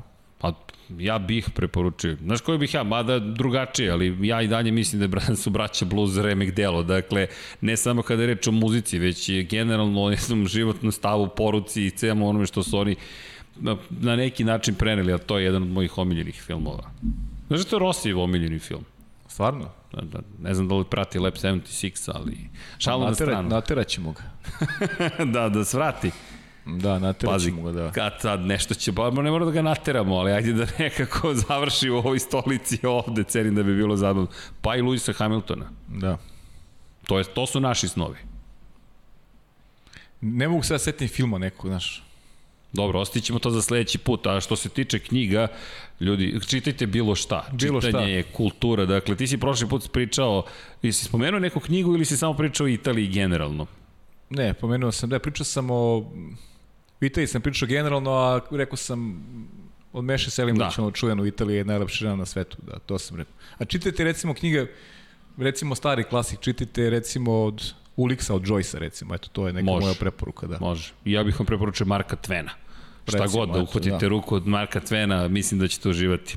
A Pavle, uz ovu kulturu da se mi pozdravimo, čeka nas, dakle, uslovno rečeno pauza, mada si ti i na hokeju, koliko znam, vidit ćemo se verovatno u kabinama, ja sam na Moto Grand Prix, na NFL-u, eto, počelo i uzbudljivo. E, tamo ćemo se vidjeti sigurno, da.